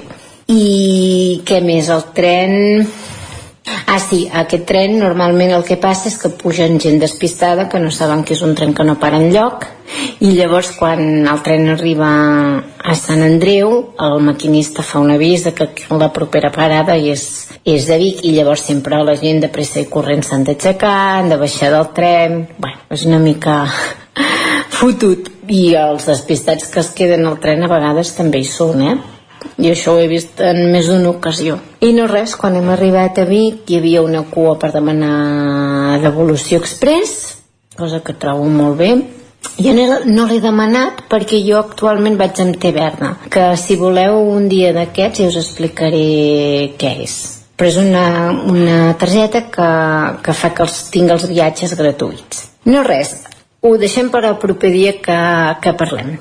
Que vagi molt bé, adeu Doncs m'ha sobtat que diguis que el maquinista avisa. Menys mal, perquè veient la falta de comunicació de Renfe per la megafonia i les pantalles on t'informen de la següent estació, si és que funcionen, no m'hagués imaginat que s'avisaria d'aquest fet. Tot i això, com tu dius, segur que hi ha gent que se'n va directe a Vic des de Barcelona i després s'han de buscar la vida per tornar a una de les estacions intermèdies. Va, ens retrobem dilluns amb més històries del tren i de la R3. Territori, Territori 17. Territori 17.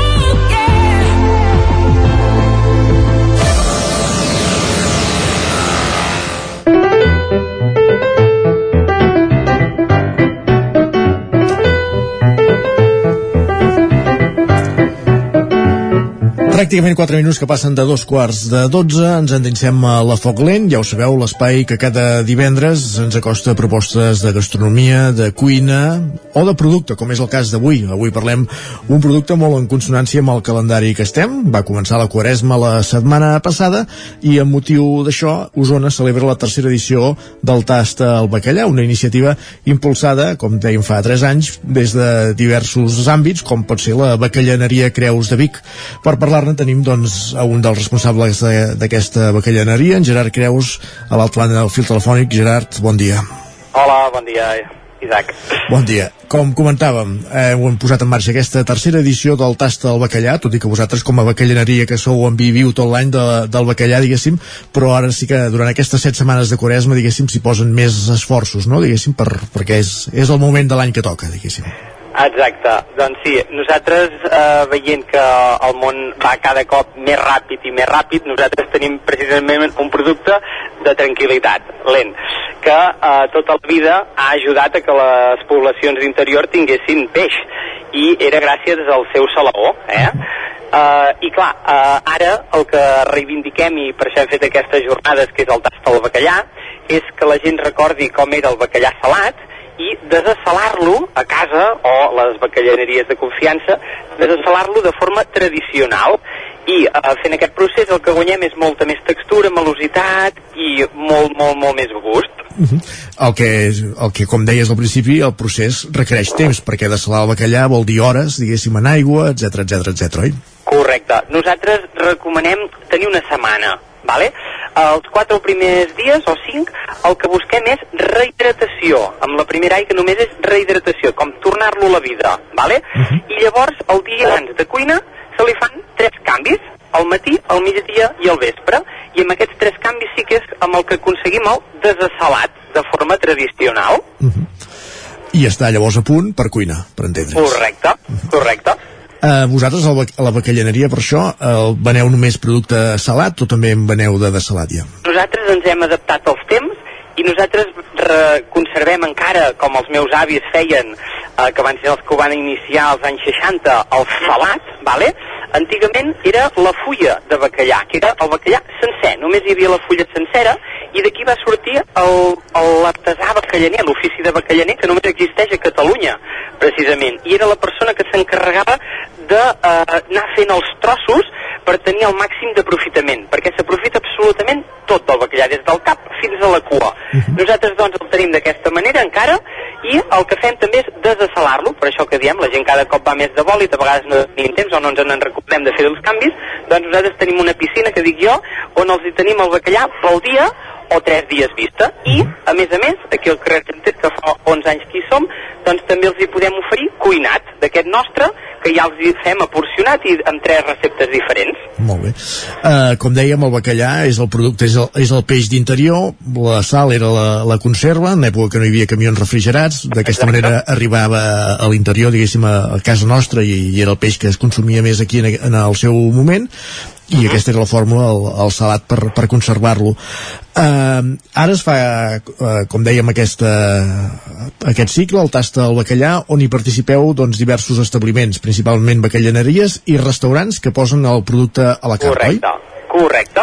Uh, doncs fa tres anys, uh, veient que a Barcelona hi havia una iniciativa similar, vam decidir uh, portar-ho aquí a la comarca.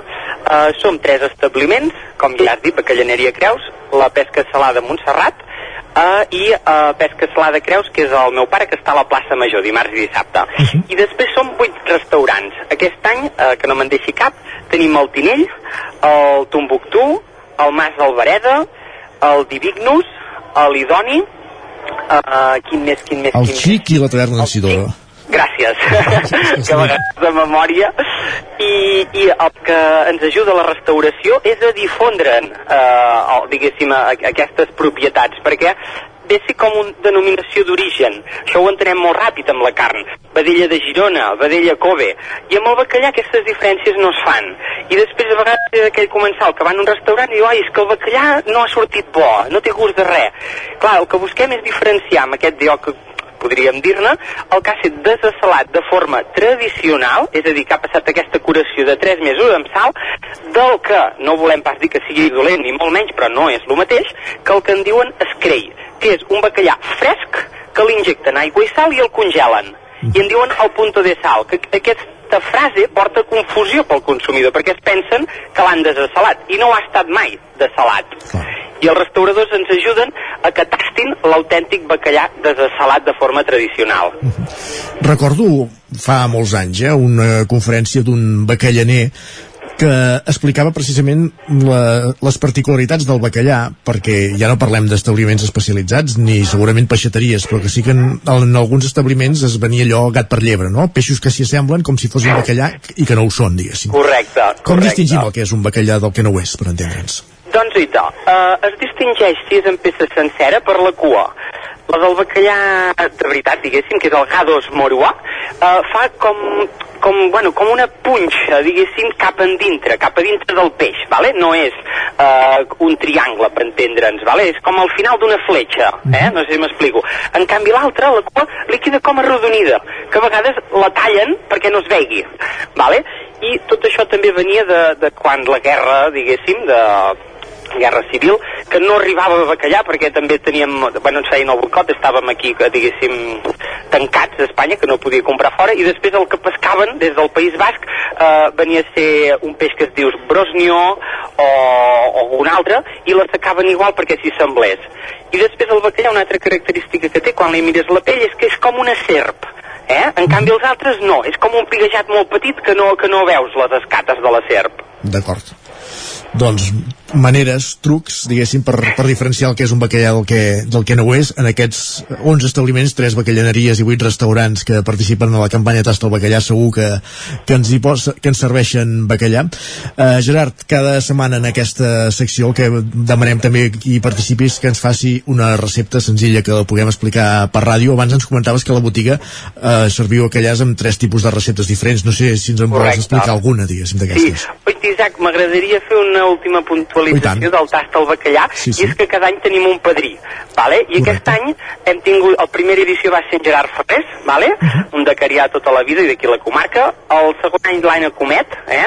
Uh, una bueno, Corredora, corredora de sí, sí. llarga distància, ultramarató, diguéssim, i aquest any tenim en Sergi Panadero, que és del Futbol Club Barcelona, de hoquei, de primera divisió. Eh? I gràcies a ell també doncs, eh, tenim una cara visible i amable de, de, de la, del tast al bacallà. Correcte. Eh? I ara sí que ja vaig a, a la recepta que em comentaves. Jo el fem amb xamfaina, que és les verduretes, all i julivert, i un que és uh, mussolina, vale? Sí. i l'esqueixada tota la vida, lògicament, però te n'explicaré una de divertida, per si la Doncs gent s'atreveix. Vale? Nosaltres en diem cupcake de brandada i espinacs, vale? Molt bé. I per aquesta recepta fan falta 400 grams de bacallà desassalat de forma tradicional, un potet de crema de llet de cuinar, uns 30 gramets de pinyons, dues fulles de llorer, uns 8 grans d'alls, oli d'oliva, verge extra, sal i pebre blanc i uns 200 grams d'espinacs. Vale? El primer que fem és posar el bacallà en un cassó amb aigua fins a cobrir, amb les dues fulles de llorer. Vale? Sí. i un cop arranca el bull el retirem i l'escorrem vale? i el reservem després de banda confitem els alls vale? en oli d'oliva sense que s'arribin a cremar també reservem després eh, trinxem el bacallà que, que hem cuinat a la batedora que quedi finet vale? sense el llorer i després hi afegim una mica d'oli de, del que hem fet servir per confitar els alls vale? i incorporem la crema de llet eh? i rectifiquem de sal després durem els pinyonets i cuinem els espinacs. I després ho emplatem per capes.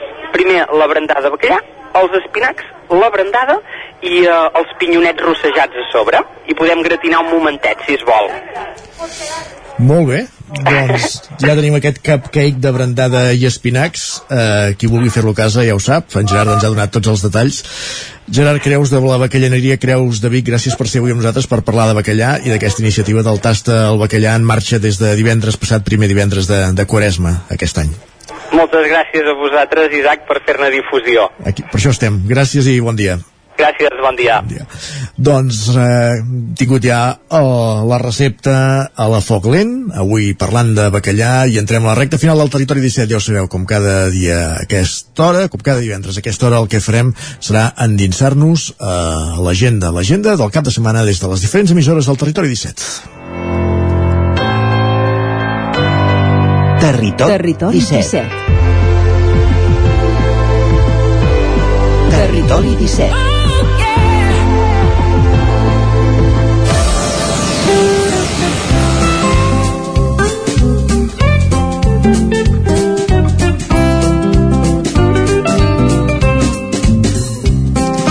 I ara que ja hem obert la gana, eh, mentre ens disposem a fer la recepta del bacallà, també podem tenir una orella posada a la ràdio per conèixer l'agenda del cap de setmana de les propostes que ens arriben des de les diferents emissores del territori 17.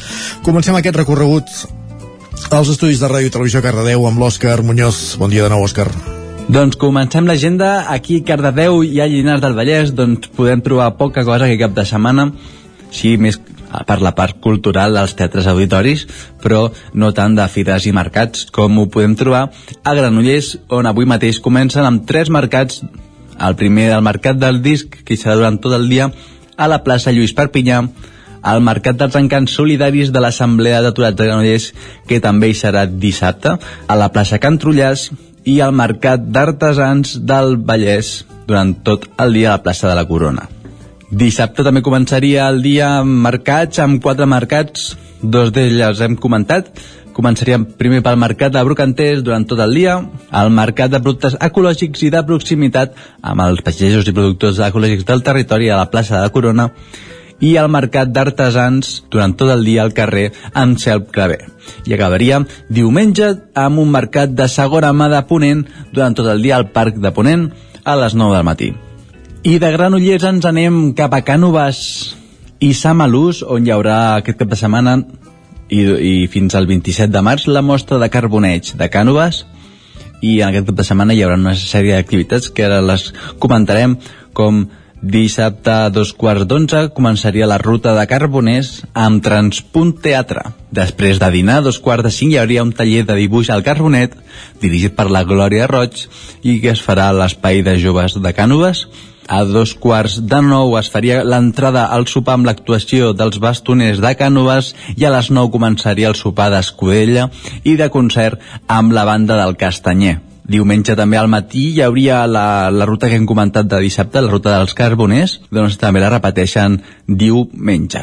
I fins aquí aquestes activitats. Recordem que la Fira de la Mostra de Carboneig de Cànoves hi serà fins al 27 de març, sí que esteu tots convidats a veure aquesta festa. En prenem nota. Gràcies, Òscar. Bon cap de setmana. Anem cap a una codinenca amb la Caral Campàs de nou per conèixer l'agenda en aquesta zona del Vallès Oriental i el Moianès, Caral.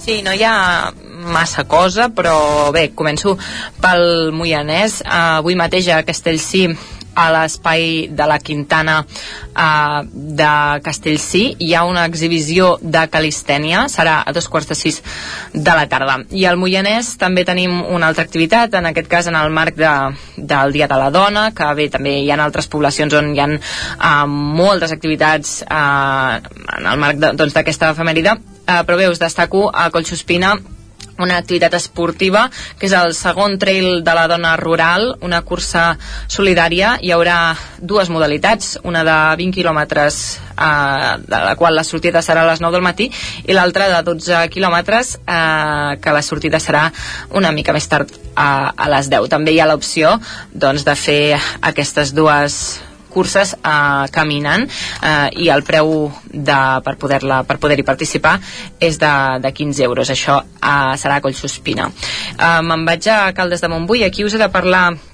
d'una suspensió a la fira d'estocs que havia de ser inicialment fa dos caps de setmana es va ajornar per previsió de, mal, de mal temps. El cap de setmana passat es va tornar a ajornar per aquest cap de setmana i s'ha tornat a ajornar.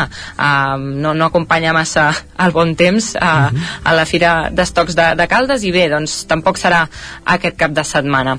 Um, el que sí que, que de moment no s'ha suspès uh, és una Sí, perquè és la ruta de les Elies, la, la vintena edició de la tradicional caminada de Caldes de Montbui. En principi ha de ser aquest diumenge, eh, comença a dos quarts de vuit del matí eh, i bé, res, ressegueix tots els entorns del gorg de, de les Elies i, i el recorregut us comento i us eh, destaco que es divideix després de l'esmorzar amb una opció llarga d'uns 12, de, perdó, d'uns 18 quilòmetres i una opció curta d'uns 14 quilòmetres amb uns desnivells de 600 i de 480 metres respectivament. Eh, i bé, doncs encara sou a temps d'apuntar-vos i si voleu participar uh, aquesta caminada organitzada uh, pels amics del sender. Um, a Tanco Caldes de Montbui amb una informació de servei i és que aquest dissabte a Caldes hi ha una campanya de donació de sang uh -huh. uh, organitzada pels bombers serà de, de 10 a 2 i uh, el, el camió se situarà a l'estació d'autobusos de Caldes de Montbui i bé, acabo aquesta agenda d'oci parlant-vos d'una qüestió de la que ja us he avançat en algun butllet informatiu i és que Caldes de Montbui recupera la, el mercat de l'olla i la caldera eh, bé, després de, de la suspensió de fins a dues edicions consecutives per la pandèmia doncs eh, la Vila Calderina, la Vila Termal acollirà Uh, no aquest cap de setmana, ja us ho avanço ja, el, el 19 i 20 de, de març uh, la, el mercat de l'olla i la caldera. D'acord, doncs en prenem nota. Gràcies, Caral, bon cap de setmana. A vosaltres, bon cap de setmana. Igualment, recu... continuem volent dir aquests recorreguts a la veu de Sant Joan amb l'Isaac muntades per conèixer les propostes culturals, les propostes de cap de setmana, perdó, al Ripollès, Isaac. Bon dia. Doncs mireu, com hem comentat a l'informatiu, les activitats enmarcades en el Dia de la Dona, que va ser el, el passat eh, dimarts, doncs continuen aquest cap de setmana i aquest divendres, avui per exemple a Sant Joan de les Abaderes al Palau de l'Abadia a les 6 de la tarda, com ja hem comentat a l'informatiu hi haurà la projecció del documental Enfam que explica doncs, la història d'aquesta comunitat que practica el cross-dressing en un club de Barcelona, el transvestisme i que comptarà doncs, amb la presència de la directora Alba Barber i també d'alguna protagonista de la producció.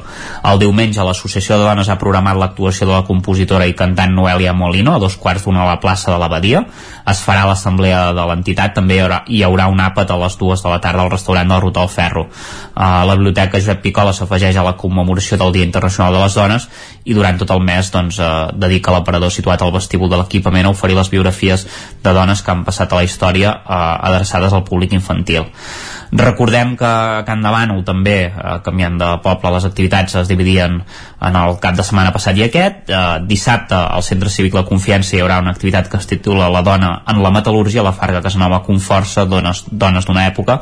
Començarà a dos quarts de 12 al matí i hi haurà una obertura a càrrec de l'alcaldessa Dolors Costa i després un col·loqui i una taula rodona entre els assistents. També hi haurà una alumna de la Fundació Eduard Soler de convidada i la moderadora Dèlia Duran, que serà qui porti doncs, la batuta de, de l'acte. A la tarda s'ha programat un taller que porta per títol Parlem de Feminismes, a càrrec del col·lectiu L'Ortiga Feminista, al Centre Cívic, de 5 a 7, i a les 9 del vespre a la sala auditori del Centre Cívic doncs, s'acollirà el tradicional sopar de la dona i també hi haurà festa de la dona a la sala diagonal organitzada pel col·lectiu Can de Manu. I per acabar, a Camprodon hi haurà una caminada popular fins a l'ermita del Remei, que començarà a les 10 del matí. Allà hi haurà un aperitiu popular. Per aquesta activitat s'ha dissenyat doncs, una samarreta commemorativa que es pot adquirir per 10 euros. Gràcies, Isaac. També bon cap de setmana i del Ripollès passarem a fer el repàs a l'agenda cultural a la comarca d'Osona amb en Miquel R, i esperem d'aquí un moment als estudis del 9FM, un cap de setmana doncs, marcat per diverses coses. Una d'elles és ja l'inici, el, el tret de sortida el que seran els caps de setmana grans de Carnaval, ja ho hem explicat més d'una vegada, la comarca d'Osona, aquest any s'han decidit endarrerir, es va decidir en el seu moment endarrerir els carnavals principals, perquè quan s'havia de prendre la decisió encara estàvem en plena sisena onada, es van endarrerir un mes, per tant el Carnaval de Torelló, que és el gra, el, la Rua Grossa, ho hem explicat també abans de les notícies, serà just d'aquí 15 dies, el que hi ha avui ja és la presentació d'aquest Carnaval de Terra Endins 2022 els fa el cop d'estat al Teatre Sirvianum i és com dèiem Miquel ara sí, benvinguts, bon dia, respira una de les propostes d'aquest cap de setmana eh? la, la presentació al cop d'estat de, del rei Carnestoltes que ara mateix encara no sabem qui serà eh, al Carnaval de Torelló. Correcte, és anar escalfant motors eh, un, amb un mes de retard però amb ganes ja de carnavals, Torelló eh, a, a, això, donant a conèixer ja qui serà el rei Carnestoltes, a Centelles diumenge fent el pregó també del Carnaval, que aquest diguéssim que serà una setmana abans de Torelló, el cap de setmana que ve, la rua el dia 19, però aquest diumenge ja a la una del migdia el tradicional pregó del Carnaval, i també d'aquests carnavals que es van fent entre setmana també tenim aquest, per, per anar diguéssim fer bullir l'olla ten, tenim aquest, aquest dissabte rues a Fulgaroles a Santa Eugènia i a Viladrau que l'han dividit en dos caps de setmana. Aquest cap de setmana serà la rua infantil i el cap de setmana que ve la d'adults per tant ambient ja que es va respirant de carnaval eh, això, amb una mica de més de retard i a l'espera de, de què ens fa el cap de setmana pel que fa a la pluja, que de moment no pinta bé. Bueno, pinta molt bé perquè per fi plou. Per, per fi diuen que plourà, que és el que, el que tocava, però clar, és cert que pels que organitzen activitats a l'aire lliure no és la millor notícia ara mateix. No ens, només ens faltaria queixar-nos, correcte. Uh, això mateix, per exemple, una de les novetats del cap de setmana que us porto és una, una fira, eh, un mercat, en diuen el Mercat de la Senyora Feixa, en referència a un espai concret exterior que tenen, molt nou, habilitat fa un parell de tres d'anys a les Masies de Roda, uh -huh. eh, que precisament ho han traslladat a dins del petit poliesportiu que hi ha just al costat i no podran gaudir d'aquest espai, a la sala diguéssim, polivalent, sí, per, eh, en previsió precisament de pluja de dissabte. Es tracta d'un d'un mercat protagonitzat bàsicament per dones, per tant hi haurà 19 artesanes eh, i emprenedores eh, mostrant els seus productes durant tot el dia i especialment a la tarda eh, actuacions musicals diverses, eh, majoritàriament també protagonitzades per dones. Per tant, un mercat per, per donar a conèixer artesania, per donar a conèixer emprenedoria, però amb clau de dona. Aquesta seria una de les novetats, i d'una de les novetats ens anem a un dels històrics, la Fira de l'Arbre i la Natura de Muntanyola. Estem parlant ja de 25 edicions, Uh, l'any passat evidentment de fet va ser la, de fa, ara fa dos anys que anem parlant del tema de la pandèmia va ser la última fira que es va, que es va poder encara celebrar l'any demà, això era un diumenge, l'any demà es decretava ja l'estat d'alerta i d'alarma i per tant torna al cap de dos anys d'aquella edició ara, ja, ara, ara finalment amb la 25a edició amb, amb, amb tot un clàssic eh? és, és una fira d'aquestes que, que és, un, és una petita fira multisectorial allà a l'entorn de l'església, l'esplanada que hi ha des d'exhibicions de motosserra de tiramarc, hi ha, hi ha mostra d'habilitats de gossos d'atura um, hi ha exhibició castellera aquest any uh, amb, amb un taller encara amb, amb, amb construccions diguéssim modestes perquè encara està tot just uh, arrencant la temporada, per tant durant tot el dia, des de primera hora del matí fins al migdia, fins a les 3 del migdia eh, es podrà gaudir de la, de la Fira de l'Arbre i la Natura. Molt bé aquestes serien les, les propostes més destacades del cap de setmana. Perfecte. O sigui, hi ha aquests carnavals petits, fan motor pels grans, pregó a Centelles, que ja serà a la rua el cap de setmana vinent. El pregó, què el fa? El Carnestoltes o com funciona Centelles, això, el pregó el diumenge? No, el pregó el faran... El pregó, el pregó sempre és així, diguéssim, eh, teatralitzat. En aquest cas, els actors centellencs Arnau Casanovas i Guim Puig uh -huh. eh, ens prometen un tastet de cafè i coruscant, així el titulen, per tant una acció així amb clau d'humor, que és el que acostuma a trencar el gel també a Centelles. Això serà, eh, recordem-ho, diumenge a la una del migdia al passeig, i en aquest cas ja són previsió, previsors, i en cas de pluja anuncien que ho faran a, al, al centre parroquial. Perfecte. Doncs queda dit. Moltíssimes gràcies, Miquel, i acabem aquesta secció música de les Seis Sisters, una de les formacions que podem escoltar aquest cap de setmana a la comarca d'Osona. Il·lumina comerços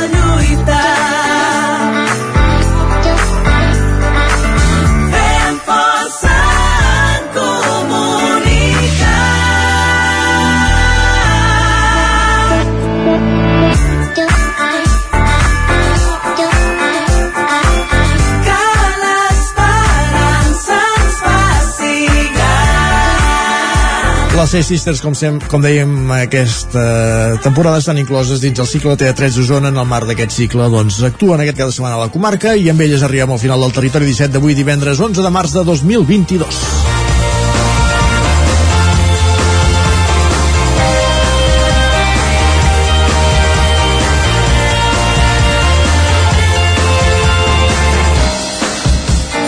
Un divendres en què us hem acompanyat des de les 9 al matí al Territori 17, Pepa Costa, Guillem Freixa, Guillem Sánchez, Caral Campàs, Núria Lázaro, Jaume Espuny, Isaac Muntades, Òscar Muñoz, Miquel R, Jordi Sunyer i Isaac Moreno. Us desitgem molt bon cap de setmana i tornarem dilluns. Que vagi molt i molt bé.